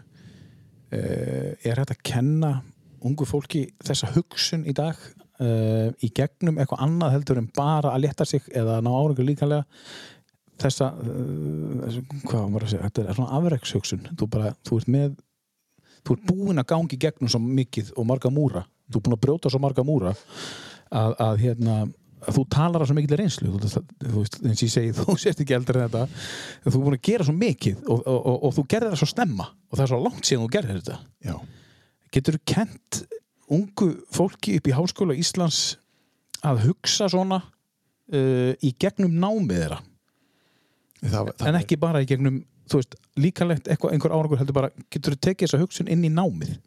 Það væri bara algjörlega óskandi og, og hérna, stundu þegar ég segi þessa sögu uh, þá fæ ég oft tilbaka uh, alls konar skilabóð það sem ég beði um, um ráleikingar og, og það er alltaf sjálfsagt. Já. og ég hef líka verið, verið spurðari hvort ég væri ekki, ekki áhuga á því að fara með þetta í grunnskóla eða einhvers stað það sem þetta á við að því að ég þekki það þaðan að, að vera feitistrákur sem er ringaður í leikumi sem getur ekki spila fótbolta þennan fyrir í 11 manna fótbolta því að völlun og stór svo ég get ekki hlaupi lengur uh, þannig ég þekki það að þurfa að færa fórnir einfallega að því að ég borða svo vittlust eða einfallega að því að já, ég er ekki að taka stjórn á mínu eigi lífi. Uh, að því það er, það er mjög erfitt þegar maður er þetta ungur. Maður er ekkert að hugsa út í það að taka stjórn á sínu eigi lífi. Maður borða bara samlokuna sem er sett fyrir framamann uh, þannig að ábyrðin hún liggur líka náttúrulega hjá fóreldrum að sjálfsögðu, ekki bara hjá börnunum.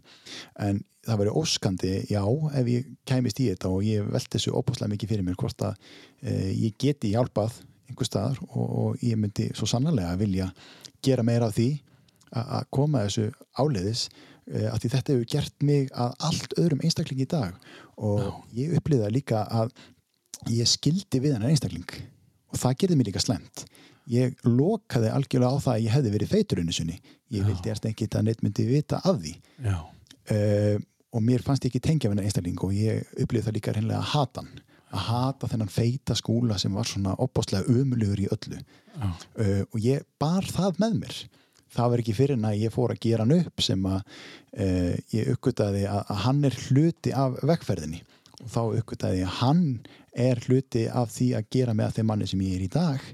Já. þannig að ég má aldrei hugsa um, um þessa fortíð sem, sem á neikvæðan hátt. Nei. Uh, og það eru náttúrulega það er ákveðin atrið sem að verður að huga og ég held að það sé betra að maður byrji snemma að huga þessu að, að huga þessari kennslu uh, hjá börnum að við séum að kenna já, og ég held að það sé aldrei hafa aldrei verið jafn viðengandi akkurat núna við séum að huga að sko, þessum andlið þáttum er svo sjálfströsti þegar við erum með alla samfélagsmiðla sem gerir ekki annað að rífa sjálfströstið okkar niður.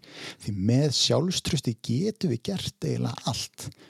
Og við erum öll frábær, við höfum öll frábæran einstakling að geima nema við bara við kunnum misvel að sína og, og, og við leifum okkur mjög misvel að sína þann frábæra einstakling sem við höfum innan með okkur og einhverjum svona utanakomið þættir eins og það að vera, vera feitur eða, eða já, bara andli líðan. Ef okkur líður illa þá leiðum okkur ekki að vera við sjálf. Nei. en við erum langbest þegar við erum við sjálf og veljum það nám sem við viljum sjálfa. Því ef við erum að fara einhverja leið fyrir einhvern annan fyrir mömmu og pappa eða ég er að fara í viðskiptafræði bara til þess að vera ríkur eða hvað það nú er það skiptir einhver máli. Ef ég, ef mér langar bara til þess að vera prjóna þá get ég líka bara og ef ég trúa mér þá get ég bara orðið það opaslega góður að prjóna ég get verið með meiri laun en viðskiptafræðingur. Eh, maður getur einhvern veginn ef maður bara fylgir fylgir svona sér sjálfum en það, það getur bara oft verið svo erfitt og maður þarf að tækla sjálfan sig og það er oft bara alltaf erfitt verkefni að tækla sjálfan sig. Ofta er við að spara ég heyri allavega að, að, að, að þú getur vel kent þetta upp í háskóla bara með þessum orðin sem þú ert að segja hérna tök, tökum eitt lag hérna sem að kannski tengist þessu, ég tengist bara beint. Bara beint sko. Já, þetta er bara fyrsta lægi sem var á playlistanum mínum þegar Já. ég var að byrja að hlaupa. Já það er svolítið og þetta er lag sem að þetta er eina lagi sem er ennþá á rekta playlistanum mínum. Já. það minnir mér svo fast á hvar ég var þegar ég er í dag, ég fyrir út að hlaupa 10 km í dag og var núna stendur maður markmið um hálfmarathon og hljóp 20 km núna í janúar. Já, flott. Að að maður minnir sér alltaf á það að það er, þú gast ekki hlaupið millir ljósastöra einu sinni. Verður nú þakkláttu fyrir það að geta hlaupið? Já. Hugsaður ef þú hefur ekki breytt neinu hver verið staðan á þér í dag nú tíu ára setna ég bara þú reyðil ekki að, að hugsa það hvað því ég, ég held að ég er nokkuð sem að mér myndi líða mjög illa. Já. Sé að þú bara að það gerist eitthvað innan með þig núna við, að, við verðum að heyra svona þokkalega mikið í þessu lagi sem að uh, skaut skúla bara út á ljósastörana þegar hann hljóp myndi tekja ljósastöra nú hljóp hann 20 km síðastlinn já, núna í janúar His Yeah. are sweaty, knees weak, arms are heavy. There's vomit on his sweater already. Mom's spaghetti, he's nervous, but on the surface he looks calm and ready to drop bombs. But he keeps on forgetting what he wrote down. The whole crowd goes so loud, he opens his mouth, but the words won't come out. He's choking how? Everybody's choking now. The clock's run out, time's up, over, plow. Snap back to reality. Oh, there goes gravity. Oh, there goes rabbit. He choke. He's so mad, but he won't give up. Daddies, he know he won't have it. He knows his whole back to these ropes. It don't matter. He's dope. He knows that, but he's broke. He's so stagnant. He knows when he goes back to this mobile home. That's when it's back to the lab again, yo. This old rhapsody better go capture this moment and hope it don't. You better lose yourself in the music. The moment you own it, you better never let it shot. Do not miss your chance to blow. This opportunity comes once in a lifetime. You better lose yourself in the music. The moment you own it, you better never let it go. You only get one shot. Do not miss your chance to blow. This opportunity comes once in a lifetime. This soul's escaping through this hole that is gaping. This world is mine for the taking. Make me king as we move toward a new world order. A normal life is boring, but superstardom's close to postmortem. It only grows harder. Homie grows hotter. He blows. It's all over. These hoes is all on him. Coast to coast shows. He's known as the globe trotter. Lonely roads. God only knows he's grown farther from home. He's no father. Cause here goes the cold water. These hoes don't want him no more. He's cold product. They moved on to the next mo who flows. He knows dove and sold nada. And so the soul þetta er uh, uh, Eminem Lose Yourself já, og mistu þið bara í, í momentinu. Og þú gerði það þarna þegar þú varst að byrja. Þú varstu bara með þetta og repeat þetta lag? Já, ég hef gert það og þetta Já. er bara, þetta er opaslega sterk skilabóð í þessu lagi. Já. þetta hefur kyrt mig áfram á, á mörgum erfiðum sprettum. Skúli, ég ætla að spyrja þig eh, að því við erum að tala um sko, með skóla um, nú höfum við báði farið gegnum grunnskóla og, og, og hérna við höfum fengið allskins uh, fína kennar og allt það, ekki setja út á það. En þarf ekki einstakling eins og þig að kenna ungu fólki þetta í staðin fyrir að fá einhvern mentaðan kennara að kenna þetta. Það geta kent eitthvað annað. Þarf ekki einstakling sem er búinn að gangi gegnum veist þetta og veit hvað hann þarf að gera og hvað hann gerði frekar en einhvern sem bara segir passið mataræðið og lægið þetta það er svo mikilvægt í ykkur að borða prótein og jarða, jarða, já það kemur einhvern gæi inn með þetta lag bara. Þú veist, þú stendur bara på sviði með þetta lag bara hérna með hendur þar í byrju lofti svo ætla ég bara að tala nær þetta ekki frekar til unglinga? Ég held að ef maður hugsaði þetta bara eins og forvarnir að þá fekk maður fræðsluna þegar að kom fíkill og var að tala um fíknefni að það náði manni miklu meira þegar maður var í grunnskóla. Já. S- Sú heldur en þegar að, að kennari manns eins ágætur og hann var var að reyna að segja manni það að fíknefni væru nú ekki góð fyrir neitt nú og maður nú Mhm. ekki byrja að drekka.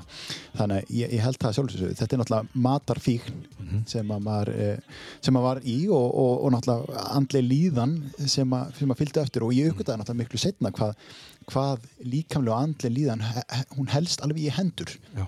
þannig að jú, ég, ég held það klálega að- að maður eigi erindi og ég held ég getur sagt ímislegt Já, mér heyrist það. Við, við marga og ég hef eh, náttúrulega eh, þegar ég var upp í Káa sem, sem þjálfari þá uh, nýtti ég mig þetta, ég fekk stundum að vera með fyrirlestra þar um, um næringu og, og það var ekki næringa fyrirlestra sem ég var að kenna mönnum að komast í form eða fór sixpack. Þar var reynda fyrst og fremst að tala um það að þau þurftu að borða meira. Þau eru að æfa meira, þau eru að hafa fótbolta. Og alltaf segja, "Þú- þið eruð ekki að æfa eins og vakstarættakapil til þess að fá sixpack og hérna, einhverja bísepa sko.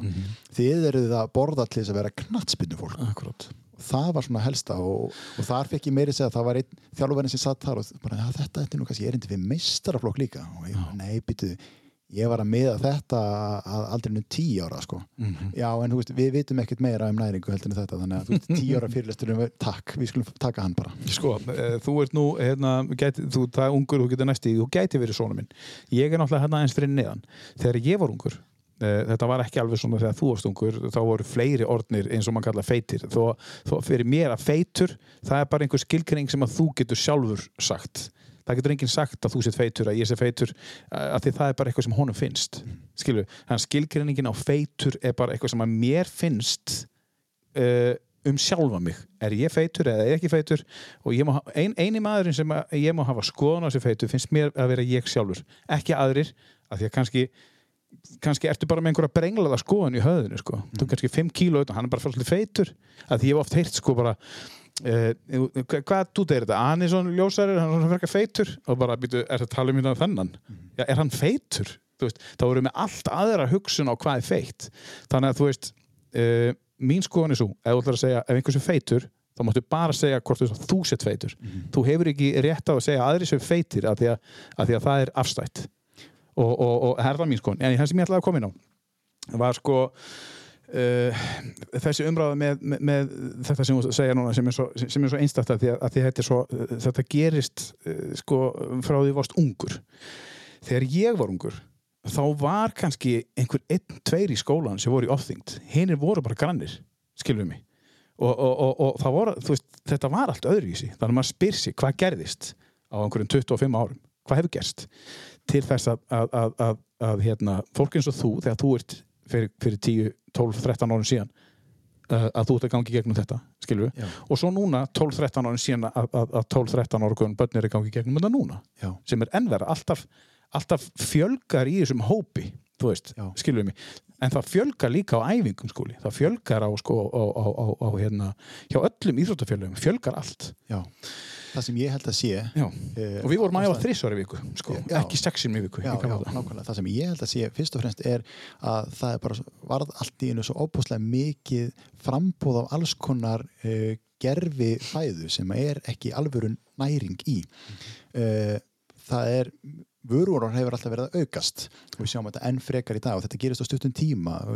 Orkudrykkir, gott dæmi það er ekkit langt síðan að var einn orkudrykkur á, á markaði og það var ekkit sérstaklega mikið seldur nema kannski bara sem bland út í áfengi. Uh, að við í rauninni fengum allt þetta úrval af alls konar góðum og gýrnilegum mat sem er ekki með neitt næringar gildi og við vitum ekki einu sinni oft innihaldsefnin í þeim og pælum ekkit í þeim borðum þetta því þetta er svo opáslega gott að bragðið og í raun fáum aldrei inn að fræðslum það hvaða næringu við þurfum. Ég fyrst og fremst þegar ég er að borða ég er alltaf að hugsa um að, að fá þessi prótein, kólvetni, fytu inn í hverja máltíð á mér, að, að ég sé að borða fjölbreytt fæði, uh, ég er ekki með endilega eitthvað opáslega stíft fæði. Ég les innihaldslýsingar mjög mikið og ég verð að skilja allt sem er innihaldslýsingunni sem ég er að borða. Þannig að ég er í raun ekki að, að að að vera flókið. Og það er raun alveg opbóðslega skrítið að, við sem mannkinn erum búin að borða frá því að við erum til en við erum ekki ennþá búin að mastera þessa list að borða. Við kunnum ekki að borða. Uh, en það er kannski líka því matar hefur verið að breyta svo mikið og við en þú ættir að kunna það þá að forðast það. Þú veist, það er það sem ég á við. En, en sko, í, í, í gamla daga þá, þá, þá innihalslýsingar er ekki kendar í skólum fyrir 25-30 ára síðan. Það er bara, nei, það er bara að tala um borðaðu bara nóg af ávöxtum og borðaðu karteblur og kjött þannig var þetta í gamla daga. Núna er borðaðu bara rétt hlutu allar prótein, kólutn og fytu og það er allir góð, þú veit ég læknis og þeir segja það. En þú þarfst að fara út og þú ert að aflaður upplýsingu um þetta. Og ég ekki segi bara fyrir hinn almenna einstakling að fara að skoða aftan á inniðarslýsingar þetta er bara svo gríska fyrir þeim sko veist, það er bara, þetta er svo erfitt en þetta, þetta er ekki kent í skólum. Þetta er í kynningunum og það held ég sem er svo erfitt við þetta og ég er náttúrulega búin að vera með íþróttaþáttar en að tala um næringu í fjölmjölum og það er ofbóðslega eldfimt og erfitt. Það er svo mikið þetta úti af alls konar fræðingum og næringu sem eru allir svo ofbóðslega ósamála sem breytikar að sitt mataræði og margir með peninga undir að þetta er kúrin minn og þá er hann sko réttur og, og þetta er það sem afla með tekna þannig að ég ætla að þannig að það er búið þetta svo opaslega að þeir sem eru næringfræðingar í dag eiga erfitt með að koma fram og, og segja hvað er hvernig maður eiga að, borða. Uh, og ég hef reynlega lendið ég, hef verið að tala við næringafræðinga fyrir viðtöl sem að segja mér alls konar skemmtilega hluti en svo þegar við kveikjum myndavelni þá þóra enginn að segja neitt að því þú veist að þú ert með óbúslega mikið sérfræðingur sem munu koma á því beint eftir þátt uh, með gaggrinni yfir það hvernig þú sétt að tala vittlust þannig við erum að flækja líf okkur líka óbúslega mikið með mataræði. Mataræði er ekki svona flókið. En getur við ekki, þú segja að við kunum ekki borða en þá, en getur við ekki, er þetta ekki bara í höndunum okkur? Er, ekki, er við ekki bara uh, uh, spísisið, við erum fólki sem þarf að breyta þessu, við getum ekki treyst á einn aðra en okkur sjálf. Og þú ert að koma inn á dagun. Um, mig langar til þess að borða, þú nær á þessum líkanlega árangri, mig langar til þess að borða það sem mig langar til þess að borða, Já. mig langar til þess að taka út það sem mig langar til þess að taka út en ekki sem einhver uh, ráðgjafi eða einhver þjálfari segir bara borðaðu svona. Svo kannski er helmingarinn því sem fyrst bara vond og helmingurinn bara það sem er bara þú veist, finnst ekki sérstætt en þú ert að borða það af því að það er svo opaslega mikil gæði í sér vöru. Já, en ég meina lífið er á stuttlis að borða bara hafragraut Já, og já, ég er engin móðið til þess að það kemur að matarið og mér langar alveg að borða rjóma eins og allir aðrir. Mhm. en ég kann mig bara á hófið því og það er það sem ég er að segja. Ég kann að velja, ég er búin að setja mér uh, þau markmið og ég er búin að ég tek alltaf valið. Ætla ég að velja þetta í mati núna eða þetta? Já. og þá er ég kannski inni fyrir einhverju öðru. Já. þannig ég finn einhvers konar uh, balans í mataræðið mitt og mér að vera feitur hérna áðan ég noti þetta orð mjög mikið Já. um sjálf mig og hvernig um ég var já. og þetta er náttúrulega uh, þetta er í sjálf sér alltaf vond orð til þess að nota og þetta er líka þetta getur farið í margar áttir Mhm. uh, ég hef upplifað það líka að fara alla leið í það að, að uh, upplifa átröskun uh, þegar ég næði sem mestum árangri af því ég vil alltaf ná lengra og lengra og lengra. Ég, ég náði mér í gott form svo fór ég að líta vel út í, í ræktinni, ég fór alltaf leið og kefti í fitness tvisar á Íslandsmótunu komin alveg með sixpacki og brunkuna alveg í botn. Og hvað ger ég svo? Ég, vil, ég vil fara lengra og þá fer maður bara út í átröskun og meira segja það þegar ég er komin í þetta form búin að upplifa það að standa á sviði í þessu klikkaða formi sem er í raun ekkit eðlilegt að viðhalda allan á sinns ring, þú ert bara í því ákveðin tíma Já. að ég var hann hrættu við það að fara í sund og ég meiri segja að því ég var í svo vondu formi. Mér fannst ég svo feitur. Samt undir 10% í mig fytu já, já, búin bara búin að setja mig smá vatn eftir, eftir mótið. Já. og ég uppliði þetta að ég vildi helst ekki vera í sund nema að vera með sko já, og þetta opbóðslega sixpack. Mér leið bara í raun líka illa. Þegar komin í öfgatnar í hináttina. Já. Uh, og átröskunin ég fór ekki langt í hérna en, en hérna ég upplifði upplifði mislegt að næringaskort að, lí- líði yfir og næringaskorti og, og, og upplifði það að vera mættur fyrir ofan klósettskálina hérna, með fingurinn upp í kókinu það er svoleiðis. Þannig að hérna, þetta varði ekki í langan tíma hérna, sem betur við náði að náði tökum á þessu. Hvernig náður þú tökum á þessu? í, sjálfur. Hvernig gerur það fyrir fólk sem er að hlusta? e, það er kannski vond að ég sé að koma með einhverja ég gerði ekkert sérstakt. Nei, ég, raun- ég raun bara upplifið það Já. að þetta var ofbóðslega óheilbritt og og ég þyrti að komast á heilbriðari stað uh, og ég þyrti að uh, hérna, finna einhverja heilbriðari leið til þess að borða. Þarna var ég komin í óheilbritt samband við matinn minn. Mhm. þarna var ég farin að borða bara til þess að vera með sixpack. Var ekki borða til þess að fá neina ánæg út úr því. Mm. Uh, og það er náttúrulega ekkert eðlilegt við það að vera að kasta upp eftir máltíð bara því manni líður svo illa með sig. Á sama tíma er maður að gera þetta í formi sem að flestir horfaði rektinu og hugsa, já, þetta er form sem mér langar að komast í. Einmitt. og ég lapp um sundlega bakkar og svona, að ég er nú of feitur til þess að vera þetta, kannski í besta forminu á, á svæðinu. Já. þannig að þetta er bæði þetta brengla bæði í sko, líkansvitunriðinni og í þessu óheilbreiða sambandi við maður þannig ég, raun- ég tók bara skref tilbaka Já. fór að lega mér að borða aðeins en ég finn, þetta er stundum ennþá þetta Já. stundum finnst mér ennþá, ah, er ég í til þess að vera ströndinni Hvenar, af hvaða tíðanbúndi gerist þetta þegar þú ert, er þetta þú keppir í fitness?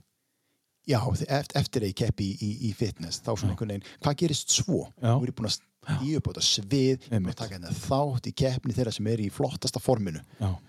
Og langar maður þá ekki bara í aðeins meiri skurð og aðeins meiri vöðva og fer í svona vöðva fíkn og, og, og, og þú kemst á þennan stað og þetta er náttúrulega bara eitthvað sem að ég geri þetta er ekkit, ég er ekkit vissum ég er ekki að segja það að fitnessi hafi Mhm. Breytt manni út í þetta, alls Nei, nei. ekki þetta er bara held ég, ég set mér alltaf bara ný og ný markmið Mhm. ég set mér markmið um að vera með ennþá minni 40% ennþá meira og bara ganga alveg eins langt og ég gat Mhm.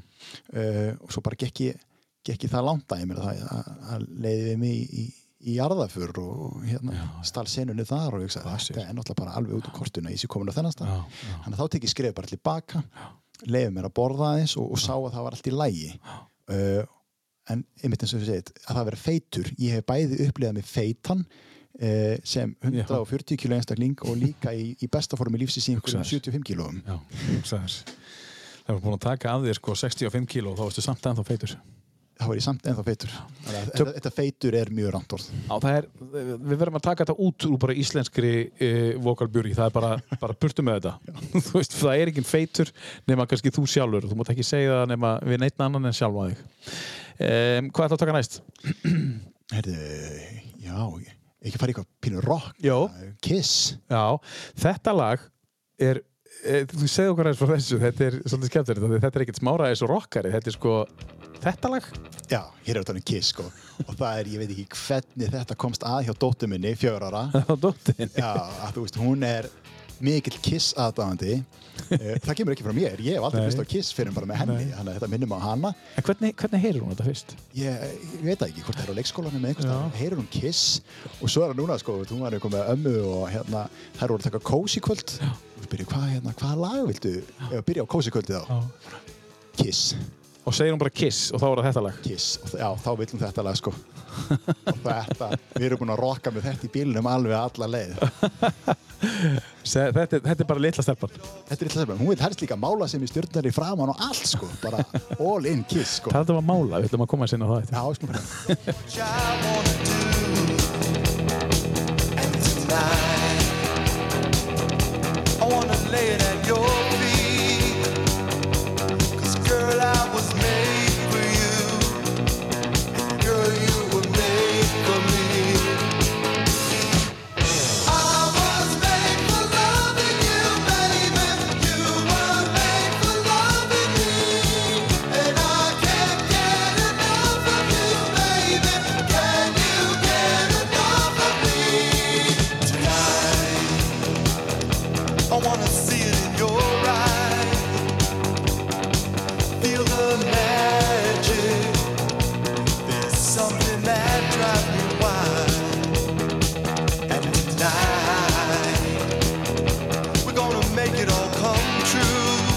hendi þetta í uh, bílnum þegar Eiklo Arja býður um uh, Kiss. Já, Og hún þú segir er þetta útvarstjórinn í bílnum. Þetta getur verið sko uh, í leikskólan segir þú veist og, og, og ef það er þannig þá er þetta líklega bara eitt flottasti leikskólan bara í bænum skilja ef, ef að vera að spila þetta. Já, bara það lítur að vera, ég, sko ég veit ekki um neitt í, í Nei. fjölskyldunni sem að hlustar á Þetta er ekki á pappi, Kiss. Magnús. Nei, ekki með Kiss sko. Að það er einhver annar en það er, eins og segir, já, þetta er besti leiksunni bænum, hann lítur að vera Herri, við vorum að tala um að mála áðan uh, mála sem er Kiss farðanum uh, þú, þú tölum aðeins um málingana þú er nú komið opinskátt með það að karlmenn með að mála sig. Já. sko með bara að farða sig. Já, segð okkur aðeins frá því, hvernig, hvernig var að uppgötva það allt saman? Hve, og hvena var það? þetta var, þetta var alltaf svona, þetta er í tengslu við sjónvarpið og hérna, maður komin uh, farin að koma fram í sjónvarpi og Já. jú, jú, maður svona hugsaði um að setja smá gil í hárið og kannski, eh, kannski fara við stöku sinni í skýrtu eða klæða sér vel en, en svo fekk ég hérna, þátt í stúdiói með alls konar ljósum og, og þá sá ég að, að það skipti nú máli, ég var farin að glansa og, og þá þurfti ég að fara að huga að förðun og það er engin sminka sem vinnur enn fjórum. Nei, þannig að ég þurfti bara að gera þetta sjálfur. Þannig að ég fyrir út í búð og, og e, byðum svona smá aðstóð þar í, í vestlunni hvort einhver geti hjálpað mér og já, hvað hérna, hvaða farða er konaðin að nota? Nei, þetta er fyrir mig sko.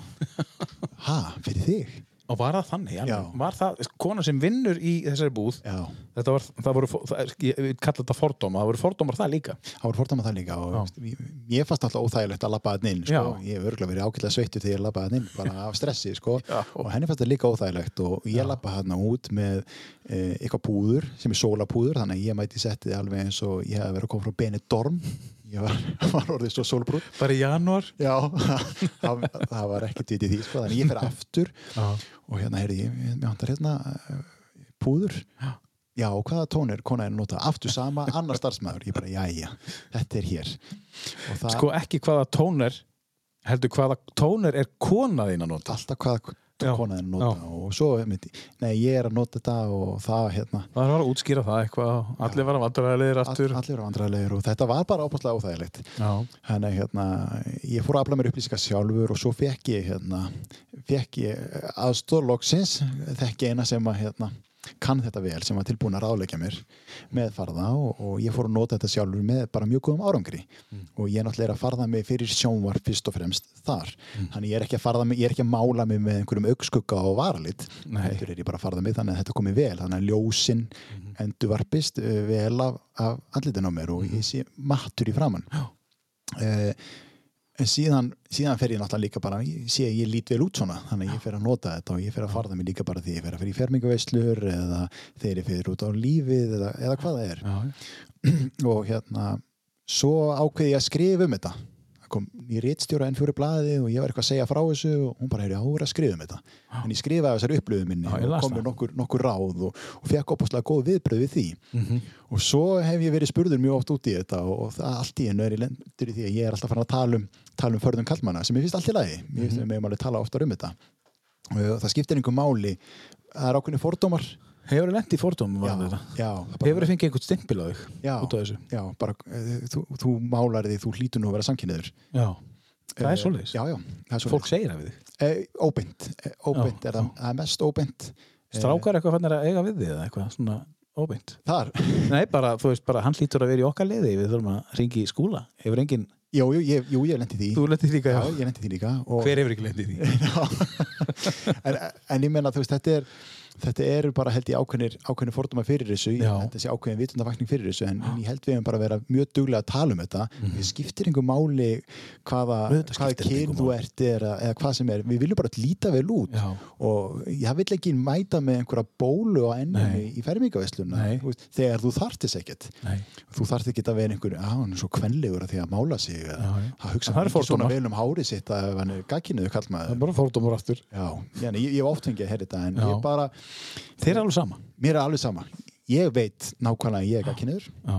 ég þarf ekkert að, fá neina staðfesting á því frá neinum öðrum þeim að bara finnast það sem þeir sýnist um mig Já, og, já. og ég ætla bara að fá að mála mig og, og í, í framann eða farða mig kannski frekar Finnst þér þetta ekkert óþægilegt í ljósi þeirra stöðu sem þú ert í? Þú ert uh, ábyrjandi á sjómanskjám. Finnst þér ekkert óþægilegt uh, en þú komin yfir það bara? Eða þú voru aldrei fundið fyrir einhver svona að ég er ábyrjandi og, og, og þú veist, fólk er meira að fylgjast með mér og, og, og, og finnst þér ekkert tröfla ekki neitt? ég held að einhvern veginn í, í þessu að maður getur aldrei fara að pæla í hvað öðrum finnst það er alltaf einhverjum sem á eftir að finnast í leiðilegur eða eftir að finnast í skrítin Það finnst mér skrítið. eða, þú veist, ég, meina, ég get það, máli er allavega, veist, ég veit ekkert af því en uh, ég get ekkert gert í því ef þér finnst ég vera leiðilegur ef það er þín upplifun að mér á skjánum þá get ég ekkert gert í því. Nei. ég get bara reynt að vera besta útgáðan af mér Já. og hérna, þú mátt hafa þína skoðun í friði og hún bögga mig ekki neitt. Uh, ég veit það bara að þegar ég er að mæta inn í sjónvarsett þá þarf ég að vera með sjálfstressið mitt í botni. Og ef það þýðir að ég þarf að klæða mig vel greiða mig vel og farða mig til þess að ég líti vel út upp á tíu að því við vitum það öll ef mann manni líður verð þegar manni lít, þegar maður lítur illa út. Já, ef ég væri hérna með allar þú myndi sjá allar bóluta mínar og ég væri nú bara í hettupeysu að lappin í setti, það væri allt annað. Ég geng beitni í baki, ég hef meira sjálfströst og þá hef ég meiri stjórn á þeim þætti sem ég er að fara inn í. Já. það er það sem skiptir maður máli. Og ef það er einhver sem að fer núna og, og kaupir sér snirtiförur og, og, og þú er að farða sig frábært, frábært. Ég er þar líka og ég gerir það líka bara í ræktinni skilur, þú mátt alveg endilega kott og spurðu mig, ekkert mál og, og við hefum fengið eh, stráka í, í viðtal sem ég hef bara rálagt settu smá púður á þig, þú ert að glansa og Já. þetta hjálpar ert með skalla eða hvað það er þetta er ekkit vandavál Nei, þetta er ekkert andamál. Nei, þetta er bara einhver farði, þetta er bara einhver snirtifara þetta er bara eins og eitthvað rakakrem og, og eða, eða hvað sem er skilur, Já, þú já. nota svitalikt eða, eða hvað sem er Já, já. af hverju er eitthvað svona duft bara því það heitir eitthvað púður eða sólapúður þetta er er ekkit hættulegt þetta bara lætur líta vel út og vilju ekki bara líta vel út vera besta útgáðan á okkur sjálfum Og af hverju ætti það að vera bara fyrir einhvern einn hópa fólki? það, já, það er bara ekkert sem er bara fyrir einn hópa Nei. fólki, það er allt fyrir alla Það er allt fyrir alla. Herru, um, höldum að fram um, þrjúlega eftir, uh, nei tjóðlega, eitt, tvö, jú, þrjúlega eftir. já, Uh, hvað er hendi næst hérna skúli? ég myndi segja í kvöldi gig sko. Já, ég held að það sé svona fínt í, í ljósi þessarar umræði sem við vorum svona að að að taka núna ekki það, ég þekki ekki vera tónlistamæður og Nei. gigga en, en ég þekki það náttúrulega að vera í, í sjónvarpinu Já. og þar þarf maður stundum að setja upp ákveðna grímu Mhm. uh, ég get ekki komið og uh, varpa fram öllum þeim tilfinningum sem ég ber á bakinu þegar Nei. ég er að ja, performa eða koma fram Mhm. í sjónvarpinu þannig að ég tengi mjög stertu þetta lag bara þýleitinu til að það er er og, og þú ert bara að fara, það er verið að gigga alveg sama hvað, í hvaða stöðu þú ert. Já, og, þú veist, andlega, Já. þá þarftu bara að stilla inn og, og eins og til dæmis Ingo talar um hérna í, í kvöldi gig og nýjum stað. Já. Hann er ekkert alltaf í stuði að taka giggin en, maður, það er engin alltaf í stuði. Nei, en þú þarf bara að setja það í einhvern gýr þetta er ekkert, þetta, þetta er vinnan. þetta er ekkert hann nota röddina, já, þú nota röddina líka. Þetta er ekkert þetta er ekkert þetta er ekkert já, þetta er bara frekar líkt. Já ég, ég tengi allavega mjög stert við þetta ég er að gera það sama bara. Já. hlustum aðeins á Ingo Viðugum sem er farin að vinna núna dagvinnu vakna klukkan sjö síðan í, í, í hvað, september? Já, hún er einhver frumkvöð og líður vel. Já, gott að hann liði vel. Minningar sem langt best væri að henda. Allir sem að þekkja mig sem er að betra líf Býði en ég neita samt að lenda. Því kvöldi gikk inn á nýjum stað. Og fólkið allt í kringum mig virðist vera að fíla það. En engin veit hvenær ég kem heim. Týndur eitt í myrkrinu kem allt og allt og seint. Samti lag fyrir löngu síðan Livði á því í langan tíma. Vonandi þá gleyma skamlar syndir Eitthvað nýtt á hverjum stað. Mér fannst ég samt aldrei vera þar. Skrítið oft að skoða gamlar myndir.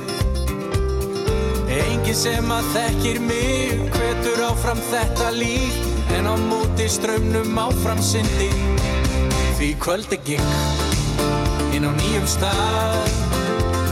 Og fólkið allt í kringum mig virðist vera að fíla það. En engin veit hvernig ég kem heim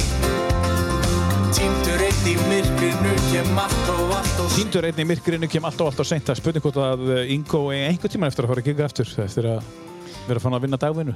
Ég held að hljóta að vera. Það verður að vera, þetta er alltaf bara frábær hérna, tónlistamær, Einn finnst mér. einn af okkar allar bestu. Já, Ingo Viðuguð uh, í kvöldir gig um, Við vorum að ræða uh, sem sagt við vorum að ræða sem sagt uh, uh, að það er gig og, og þú ert að stilla það inn á það.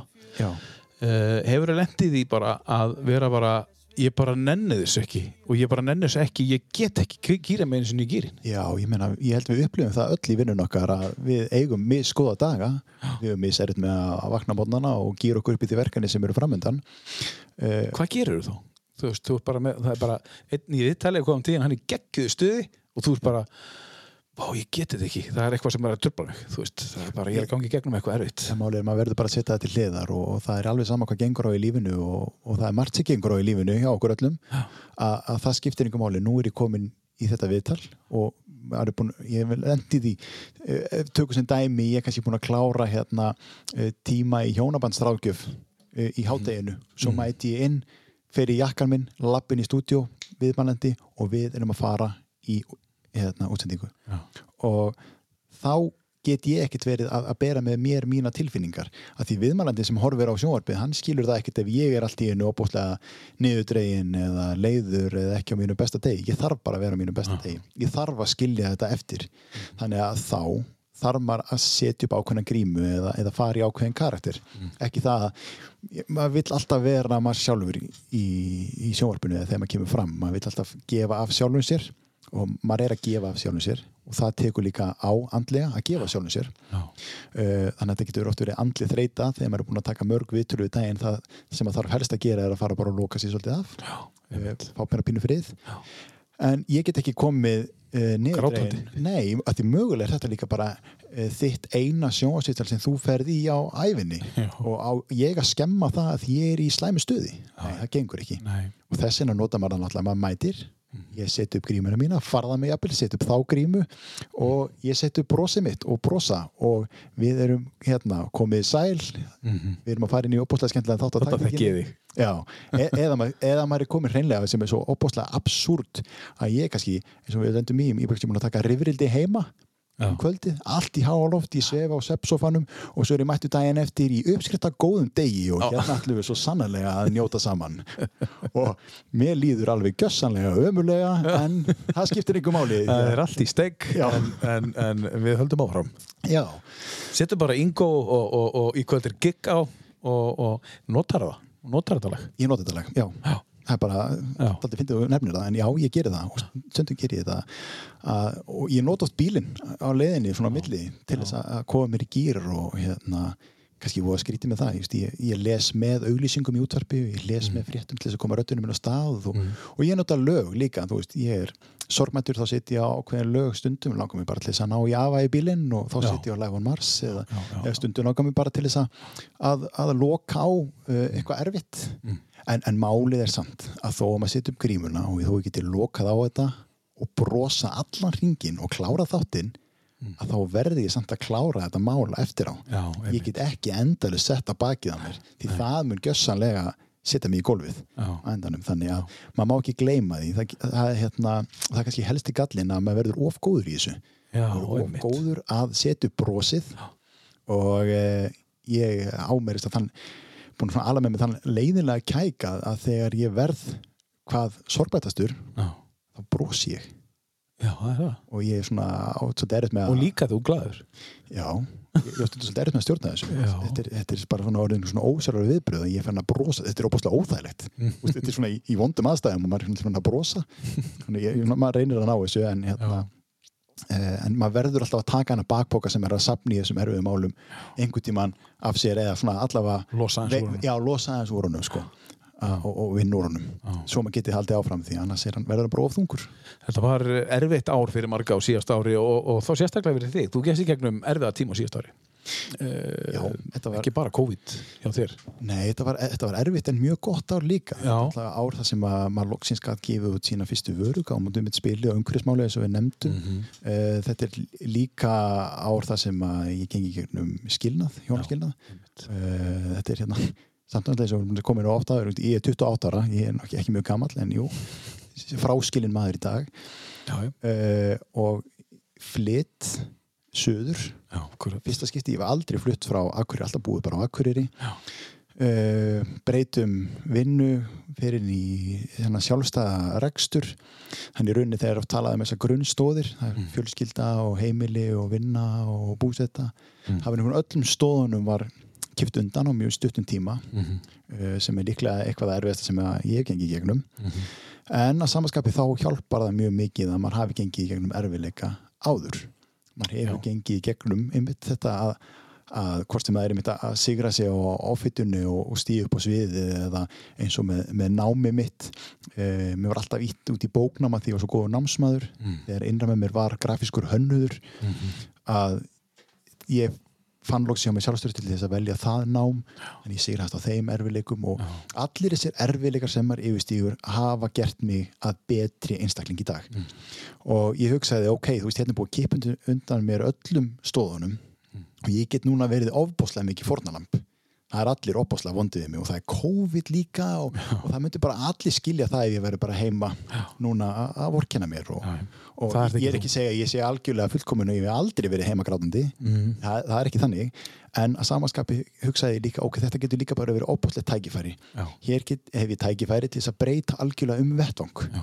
uh, komir eitthvað nýtt, komir eitthvað nýjan stað og ég veit það ef ég tek alla þessa þætti reyna yfirstíga þá erfileika sem þeim fylgja að þá kemst ég á betri stað á öllum stöðum, betri staðum fjölskyldunni, betri stað eh, hérna, búsettu og vinnu og, og áhugamál. Þannig að hérna, ég tók þetta bara allt í gegn. Ég ætlaði einmitt að koma inn á þetta að hérna, þú veist, eh, ekki það að COVID hafi eitthvað haft eitthvað jákvætt fyrir skilnaðin en ég er að hugsa að við setjum með eh, alla framkvæmdina eftir það, þú fluttir söður og spilið og umhverfismálið. Getur verið að, að uh, þetta árferði sem við gerum, eh, gengum í gegnum á síðast ári eða erum enn að gangi í gegnum núna hafi hjálpað þér í að bara einmitt að bara, ok, ég þarf að gera eitthvað ég þarf að finna einhverja leiðir, ég þarf að stíga tilbaka ef það hefði ekki komið, þá hefur kannski mögulega skilið þú veist, þú stoppar það ekkert. En þá kannski hefði hitt ekkert komið. Þú verður þá ennþá mögulega að gera það sem þú ert að gera uh, í janúari fyrra. Þú veist, hér núna. Uh, þú verður ekki lutur suður. Þú verður ekki búin að kaupa þér íbúi í Garabæ þú verður ekki búin að gefa kannski út þetta spil eða umhverfismál, ég bara svona Já, að ég held það og ég held að það sem að held í manni lífinu var að maður var að vinna við áhugamáli sitt sem var einmitt spilið og málið og maður var að gefa það út á þessum tíma. Þannig að maður sá það að ég hafði þó alltaf það. Það var eitthvað sem ég var að gefa mig persónlega það var eitthvað sem ég var að gera bara sjálfur sem var að ganga vel. Og það kannski held í manni, ok, þú veist allt sem að ég þarf einmitt uh, ég er ekki að segja, maður er aldrei að treysta aðra en allt það sem að ég var undir eitthvað annan komin það var eitthvað sem að gat bröðið til begge átta. En það sem að ég hef sjálfur fram að færa mínir hæfileikar, mín kunnátta það verður aldrei tekið af mér. Og það sem ég er að skila af mér og það sem ég er að gefa út það er það sem ég mun alltaf hafa. Sama hvort að eitthvað spil selst vel eða ekki þá gaf ég eitthvað út og settir eitthvað í kosmosin já, ég setti eitthvað í kosmosin og, og það er einhvern veginn þú hefur ekki stjórnað neina öðru ég hef ekki stjórnað þú getur stjórnað að koma út en þú hefur ekki stjórnað neina eftir það. Ég hef ekki stjórnað áliti annara eða, eða, eða neitt. Það er það sem er svo fallegt sko. Og, og þetta, þetta gekk eftir, auðvitað var þetta opbáslega erfiðu tími uh, á síðast ári. Já. árið í ár, segja bara allt upp á við að því að, ég myndi að segja þetta, þetta er, þetta er alltaf sama sagan einhvern veginn. Allir, allir þessir múrar eða hvað það er sem maður er að brjóta. Að, að það er alltaf einhverju erfileikar og það er alltaf einhver leið til þess að yfirstíga þá. Og ég held að það sé allt eitthvað sem við getum tekið úr uppeldi og, og já, svona fyrstu hindrunum sem að yfirstígur. Það hlýtur að hafa verið hindrun í, í gamla daga þegar þú varst uh, reynd að leiðbeina þér af kennurum og ímislegt annað. Þegar á námsarágjöfum bara uh, þú ættir að fara í bóknám og af fleirum uh, þegar að skúlibrægi og hausinans og, og, og, og allir líkamenn sé kreatífur það lítur að vera erfitt að taka skrefið í þá átt að hugsa ég ætla að vera, ætla að vera, ætla að vera arkitekt eða garðskur hönnur, ég ætla að fara út í hönnardeildar og gefa skít í það sem þið segið sem er mjög erfitt. Ég meni, ég var ekki rétt hjá mér að það var einhver kennari sem sagði bara, þú, þú ert ekkert að gera þetta. Þú ert að fara bara í, þú ert, svo, gó- þú ert alltaf góður í starffræði til þess að vera grafiskur hönnur. Er þetta ekki rétt hjá mér? Eða, þú veist, eh, bara í raun ég stóð mig mjög vel í myndment Já. en líka mjög vel í öllum öðrum Einmitt. þannig að það var öllum sama um það mm að hversu góður maður var einhvern veginn að teikna. Það er ekkit sérstaklega mikill hæfileiki sem að er að fara að gera það af einstaklingi og þetta Nei. er í raun fordómar samfélagsins kakvart listnámi eru, eru miklir og líka kakvart ímsu yðnámi líka, bóknámi er einhvern veginn alltaf sett yfir og Einmitt. og uh, þegar maður er góður í bóknámi þá sjá oft námsrákjafar og kennarar enga aðra leið. Og þá þarf maður svolítið að standa á eigin fótum og ég ætla nú ekki að ég, tók það ákvörðin þegar ég var búin að búið með BAN í háskóla sko, þannig að ég tók það ákvörðin mjög seint að, að ok, þá upplýði það fyrst ok, ég kom með háskólamendun í bóknámi má ég ekki núna velja námi sem ég langaði og þá valdi ég loksist námi sem Já. mér langaði að fara í og, ég gjössalega blómstraði á því sviði Já.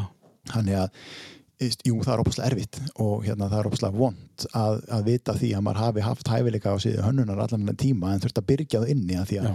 þessu fylgdu engir áfangar í myndmenti eða listum Nei. og þessi ofur áhersla á bóknám er eiginlega bara algjörlega óþólandi uh, og hérna, líka það einmitt að maður er með, maður er með kennara og leiðbennendur í gegnum þetta allt saman og, og hvaða vandamál þurft að tækla hjá mér? Mér leið illa andlega uh, mér leið illa líkamlega uh, og hæfileikandi mínir fengi ekki að njóta sín. En við skulum samt kennunum dönsku og íslensku og starffræði alveg á fullu. Veist, hvenar já, hvenar verður þetta einstaklingsmiðað og, og, og þarf ekki stundu svolítið að huga því hvað henda hverjum og einum? Þú sagðir eh, við eh, námsrákjafa eða ekki réttið mér, þegar hann spurði hvað langar það að gera. Þá sagður hún það. Og þá sagði hann nei, eða þú veist, þú ert okk góður e e eitthvað Það, já, það bara, heyrðu, þú, ert samt með þú ert samt að muna það að þú ert líka með óbúslega góða rengun í þessu sem að er nú ekki sjálfsagt. Já. þú ert hæstur í begnum hérna í starffræði og náttúrufræðum og það er nám sem áttur að skila og opna allar dyr fyrir þér, þú lokar á dyr eða þú ert að fara að velja listnámið. Þannig að, jú. Ég hugsaður alla unga, unga krakkarna sem verður að taka sama samtal við námsálgjafa Já. sem hafa ekki þetta breyk eins og þú hefur bara taka skrefið og ég ætla ekki að gera þetta. Hvað er sem margir 30-40 ára jafnaldrar þínir og mínir sem eru bara uh, þú veist, bara, þú veist hvað er ég að gera? Já, einmitt og, og þú veist, maður því, af því að, þú veist, námsálgjafa verða námsráðgjöf hlýtur að vera sko hvað á ég að gera? Hvað finnst þér að ég eigi að gera með það sem mig langar að gera? Já, en ekki sko ráð, ráð, ráð, ráðgjöfi mín er að gera eitthvað þú- sem, að, sem er, er, er alls ekki þú. Já, það, það er nefnilega, sko, þetta er þetta skemmtileg saga að einmitt ég fer svo inn í, í framhaldsskólan og, og skráði mig þar náttúrulega á náttúrfræði eðlisfræði braut Já. eftir þessi, þessi samtölu við námsrákjafa og hérna fer þar bara í bestu starfæðin og gengur bara mjög vel og ekkert mál. Mm. það afbúra nefnandi í, í bóknámi. Svo var ég alveg gjössamlega að klebra og í þriðja bekk þá ákveði skipta yfir. Og þeir skiptu yfir á náttúrfræði braut í félagsfræði braut voru yfirleitt þeir sem voru að falla. Já, falla, já. Eh, ég var ekki að falla í neinum. Mhm. uh, en ég endaði á því að ég fekk að fara til námsrákjafa og ég settist niður og það búin að fara til annars námsrákjafa í mentaskólum, ég settist hjá þessu námsrákjafa og ég heldi alveg gjössanlega bara ég er með áhuga þessu, þessu, þessu, þessu, þessu og ég talaði bara og hún sagði ekki neitt. Nei. og svo enda ég þetta á, heyrðu, og hvað á ég svo að gera? Já. ráðleiðu mér Já. og hún, já, þú ert búin að segja mér hvað þið langar að gera Mhm. ég bara bítu, bítu, en þú ert ráðgjafi, þú ert að fara að ráðgjafa mér þú ert búin að sitja hérna og reyna að samfæra mig um að þú er að skipta um braut Mhm. þannig ég ráðleika bara að hlusta á það Já. og þetta samtal var ekkert lengra og ég skipti yfir og svo fyrir ég að segja vinum mínum þetta sem þetta mjög skrítið en það enda á því að mínir tveir bestu vinnur komið með mér af náttúrulega braut yfir á, á félagsvísindabraut því þeir áttuðu sig á því að við fórum að taka samtalið Já. þeir voru fastir í nákvæmlega sama formi þeir áttu ekkert heima í þessu en voru bara góðir í bóknami Mhm. en áhuga sviði var allt, allt, allt annað þannig að ég held, ég menna mögulega hefur maður að taka bara samtalið fleiri en einhver hersing farið þarna milli, ég veit Svo er líka bara samtalið sem að teku við vinni sína er ofta ekki alveg nóg á nóg djúpu leveli það er oft bara svolítið á yfirborðið bara, þú veist, hvernig hefur það? Jú, það er fínt Sástu leikin í gær, ég sá leikin í gær og, og sem, svo spyr maður bara, segja mér sko, hvernig, hvernig líður þér? Já. nei, þú veist, ég er ekki að fara í þessu umræðu skilur þá, maður kemst ekkit á þennan stað nema maður fari aðeins dýpara í, í umræðuna. Annars er maður bara svolítið mikið yfirborðinu. Það er bara svolítið mikið þegar kalla, tala saman allan þá er ég að tala einn reynslu. Tala á yfirborðinu. Það er bara við erum yfirborðskendir í umræðum vinir. Já. og, og þú veist eh, vinir mínir það er ekkit margir sem vita hver uppáðs litur minn er. Nei. það er auðvitað enginn sem veit hver uppáðs litur minn er. Nei. af því þeir hafa bara aldrei spurt skilur við Já, ég er svo heppin að þessu litinu til að, að minn besti vinnur, hann kom út úr skápnum í framhaldsskóla. Uh, ég er náttúrulega tekst á við mína erfileika uh, í, í minni offitu og yfirþyngd. Uh, þannig að við erum miklu trúnaði vinnir. Hann var, við byrjum saman í enga þjálfum þar sem að ég þarf að létta mig mörg kíló og hann þarf að þingja sig að því hann er svo ofgrannur. uh, þannig að við erum búin að búa okkur til samband þar sem við getum rætt mjög opinskátt um allt. Hann til dæmis getur hjálpað mig með förðun. Við kentar að hann væri að fara sig.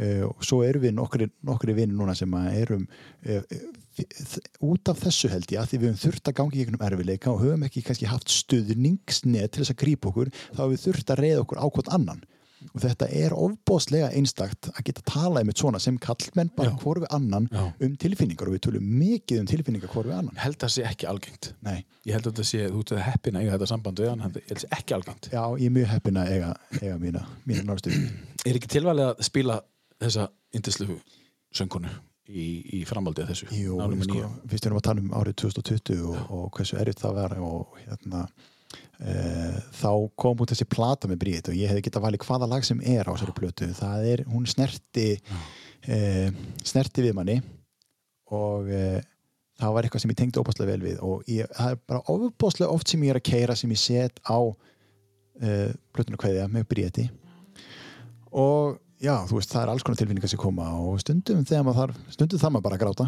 Já, já, algjörlega. Þá getur verið fínt að, að hafa plötu sem hjálpa mann að gera það. Þú grætur, alveg? Já, ég ger það. Grætur í einrúmi já, ég ger það, ég á mjög öll með að gera það fyrir framann aðra. Já, ger það eiginlega aldrei. En uh, jú, hann hefur gott að því. Já uh, og þessi plata hjálpaði mér ymmit þegar öllum stóðunum var kipt undan mér. Uh, á sama tíma eiginlega. á sama tíma. Og hefur hjálpað mér ymmit að yfirst ég það og byggja mig upp. Og titillin er nú eiginlega bara svolítið skýrskotun í hvað þú eigir að gera á þeim tíma akkurat þegar öllu er keft undan þér. Róluðu kuriki, slaka á. Já, það þarf ekki að sigra heiminn í, einu, eða gleipan í einu bytta Nei, það er rétt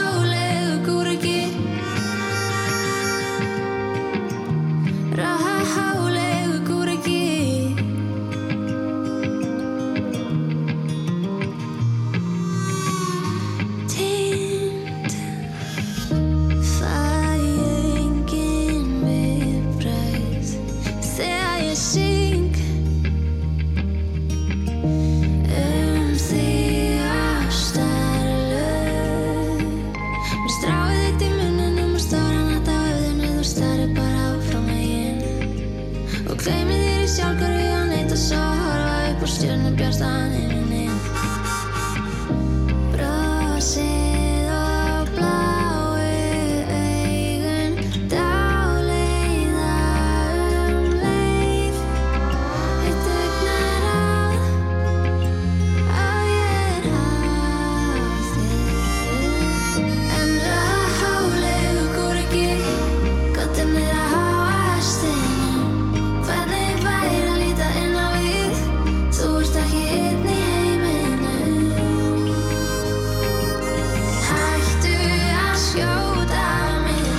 skauðst upp á uh, já, þokkarlega háan heiminn hérna fyrir ári síðan. Heldur betur.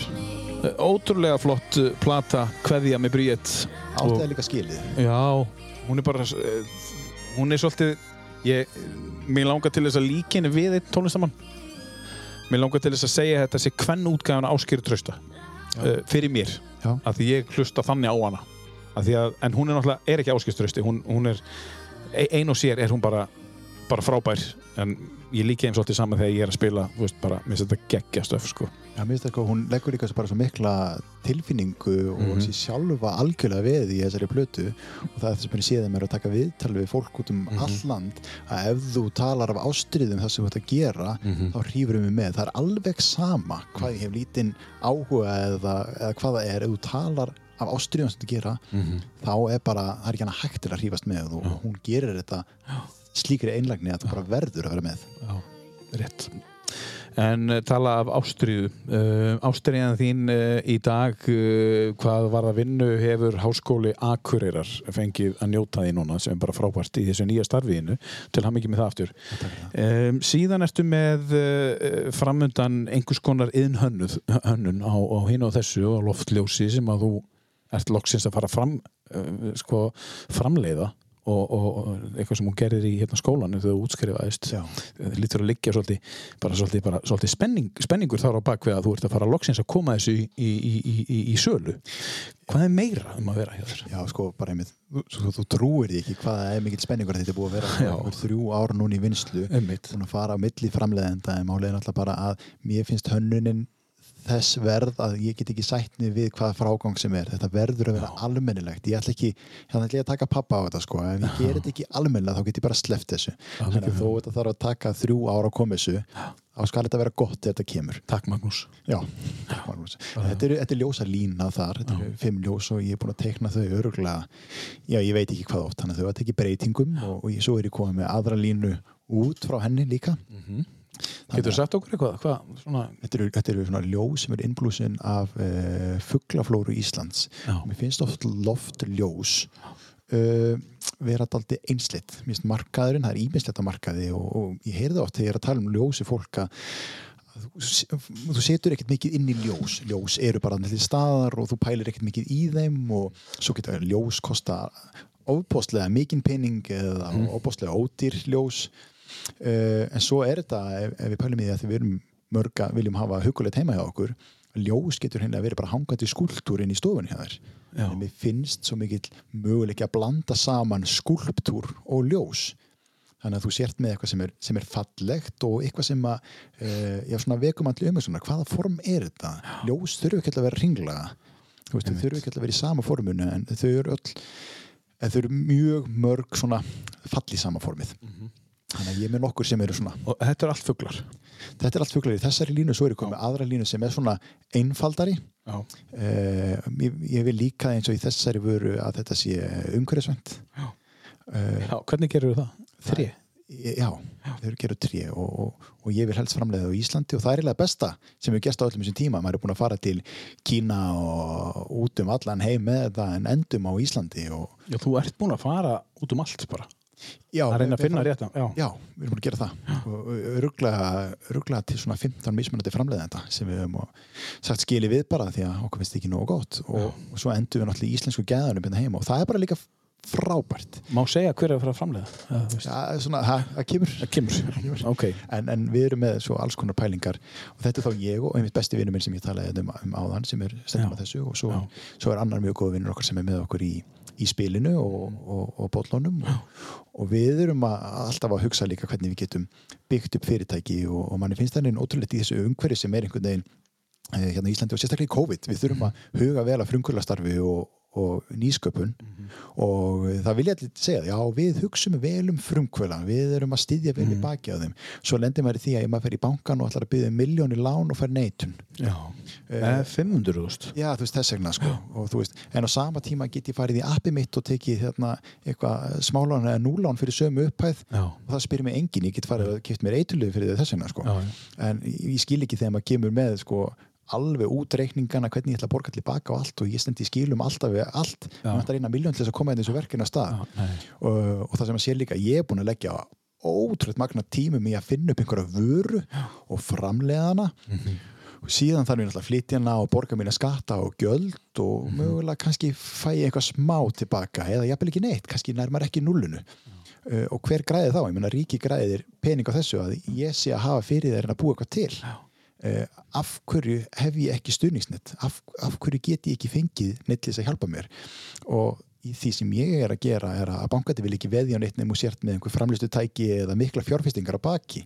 Ef við verðum að fjárfesta í ísbúmi fullt af vélum já, getum við tekið hérna, veð í öllum þessum vélum þínum. Einmitt. en þú ætlar að vera að gefa út hérna, einhver, einhver umhverfisvæn mál sem ætla hérna, að gera líf okkar allara umhverfisvæna nei, við, hérna, við erum ekki tilbúin að lána Samt, samt er það bara við stiðjum frumkvölu Það er bara, þú veist Já, við erum frumlega á bankin, við erum hérna með græn lán, Græn lán og alls konar dót en, en mér vantar eina miljón til þess að koma mínu verkefni á stað sem ætlar að útrýma einnóta, eh, já, einnóta kaffimálum og ég fæ nei. Þú skiptum banka bara. Eða leita til, leita til einstaklinga bara hætta þessu banka að þeir ger ekki neitt fyrir mann Já, nema að taka manni peninga. Já Það það, er sem, þannig. það er einhvern veginn það sem við erum að gera með þessum, með þessum vörum er að við erum ekki að gera þetta við borgum okkur engin laun, við erum að reyna að gera þetta til þess að geta gefið út fleiri verkefni geta gefið út þessi umhverfisvænu ljós geta gefið út fleiri umhverfisvænar vörur sem að útrýma öðrum einnóta við erum að reyna að skapa okkur fjármagn með því öllu sem við gerum til þess að geta fjármagnar fleiri verkefni. Þannig að Uh, og við erum með duglur í þessu og hérna settum núna niður í janúar, fórum saman og hérna uh, settum okkur bara svona vinnuhelgi. Það sem að við vorum ekki að gera neitt nema bara að, að vinna, settum okkur bara hérna stífa dagskrá og, og það var sko ekkit, þetta var ekkit uh, það var ekki bjór við hönd eða grill eða neitt, skilu, þetta bara, við vorum bara að vinna og, og hérna, við tökum þessu mjög alvarlega. Þetta er vinnan okkar. Það er svona margar spurningar hana í kring hana sem, að, sem er, er ósvarað Já. En hvernig tæklið þið það? Hva, þú veist, hvað ætlið að gera? Þið, þið, þið eru með plan A, B Við erum með plan A, B, C, D og E, E, sko, já. og við erum alltaf unnið þetta þannig að e, þegar við okkur að byrja Já. og, og það er oft svona, að mér langar svo að fá góða hugmynd svo ég geti gert fyrirtæki Mhm. þegar við komum saman höfðum við enga hugmynd Nei. við komum bara saman, heyrðu við erum hérna, þrýr mjög frambarilegir eh, einstaklingar Mhm. sem höfum mismunandi hæfileika og mismunandi sviðum og við vinnum vel saman. Við hljótum að geta tekið eitthvað og gert það vel. Já. það var einhvern, það, þannig byrjuð við. Ok, þú kemur þrjár hugmyndir, ég með þrjár og þú með þrjár og þær voru allar ömulegar það skiptir einhver máli, við gerum þetta bara aftur í næstu viku. Koma allir með þrjár. Og svo þrjár og svo þrjár og svo þrjár. Og allir komið banka hugmyndum. Mhm. einhver þeirra hlýtur að vera honum góð. Gerum þetta núna síðast í, í, í vinnunni. Hvað ætlum við að gera núna árið 2021 tíu hugmyndur á mann. Já. og við lendum í þá komið 30 hugmynda banka. Og ein þeirra hlýtur að vera góð. Já. Og ein Hvernig hlýtur að vera aðeins minna góð og, Hvernig komist þið að því? Hver er best? Eh, það er náttúrulega bara, við, við förum yfir físileikan og svo náttúrulega vitum við það kannski ekki alveg þannig að við Mhm. Nei. könnum möguleikan á nokkurum þannig að núna einhvern veginn í janúar og februar eru við að, kanna hvaða hugmyndir eru bestar og, og hvað er verðt að keira á og en auðvitað þarf maður að taka í þessu öllu saman Mhm. Já. Eh, og það eru hugmyndir sem við fáum sem verða aldrei að veruleika og, Mhm. og svo veit ég það að það verður margarn sem verður gaman að gera en við höfum bara ekki fjármagnið tíma til þess að geta gert þar Mhm. Þannig að, eins og segi, við erum með hugmyndir alveg fram til 2030, sko. Það er bara, með tíma og pening, þá getum við gert miklu, miklu meira. En maður stendur þetta frammi fyrir þessu núna, búin að bara flytja á nýtt fjölskylduministur og ný atvinnutækifæri. Það eru alls konar spurningar á lofti og Þetta er spennandi ár framöndan hjá, hjá þér, hjá persónulega. mjög spennandi ár. En, en mér finnst það líka að maður ákveður að sjálfur hvort árið er spennandi. Eh, ég geri það spennandi. já, og eh, ég set mér ég finn mér bara tíma til þess að ég, maður þannig að færa hvernig fórnir. Ég sit ekki fyrir fram að sjónvarpi heima og horfi á það. Nei, Það- vinna mín er að búa til já. Já, ég, ég gef mér ekki mikið tíma í að sitja, sitja og horfa. Nei. ég gef mér ekki mikið tíma í, í afþreyingu. Mín afþreying er er að teikna eða, eða Já. hanna eða vinni mínu. Þannig ég nýti alla frístundir í það. Þú þart að gera það. Ég þarf að gera það en ég veit að á sama tíma líka má ég aldrei fórna ákveðnum grunn þáttum sem er það að ég má aldrei fórna næringunum minni og reyfingunum minni. Ef ég gerir það þá veit ég að ég get endað á, á verri stað. Ég veit að það skapar grunninn fyrir það að ég geti kert svona áfram eins og ég geri. Þannig ég verð að gefa mig tíma í, í heilsuna mína af því að hún heldur mér uh, á floti, gangandi. Uh, svo gefi mig tíma í, í áhugamálum minn og, og elda það og svo þarf ég líka að gefa mig tíma til þess að, að takla þá erfileika sem er í kringum hana því það er ekki tannig að í dag séu engir erfileikar í mínu lífi. Þannig að ég þarf líka að horfa í það. Og ég set mér markmið fyrir árið fyrir hvern mánuð og fyrir hverja viku. Já. þannig að e, þá sér maður líka alltaf árangurinn að því. Og þannig að árið í árið er mjög spennandi en ég veit að árið 2022 verður líka ofbúslega spennandi. Maður á bara að gera öll ár spennandi. Hristu upp í því.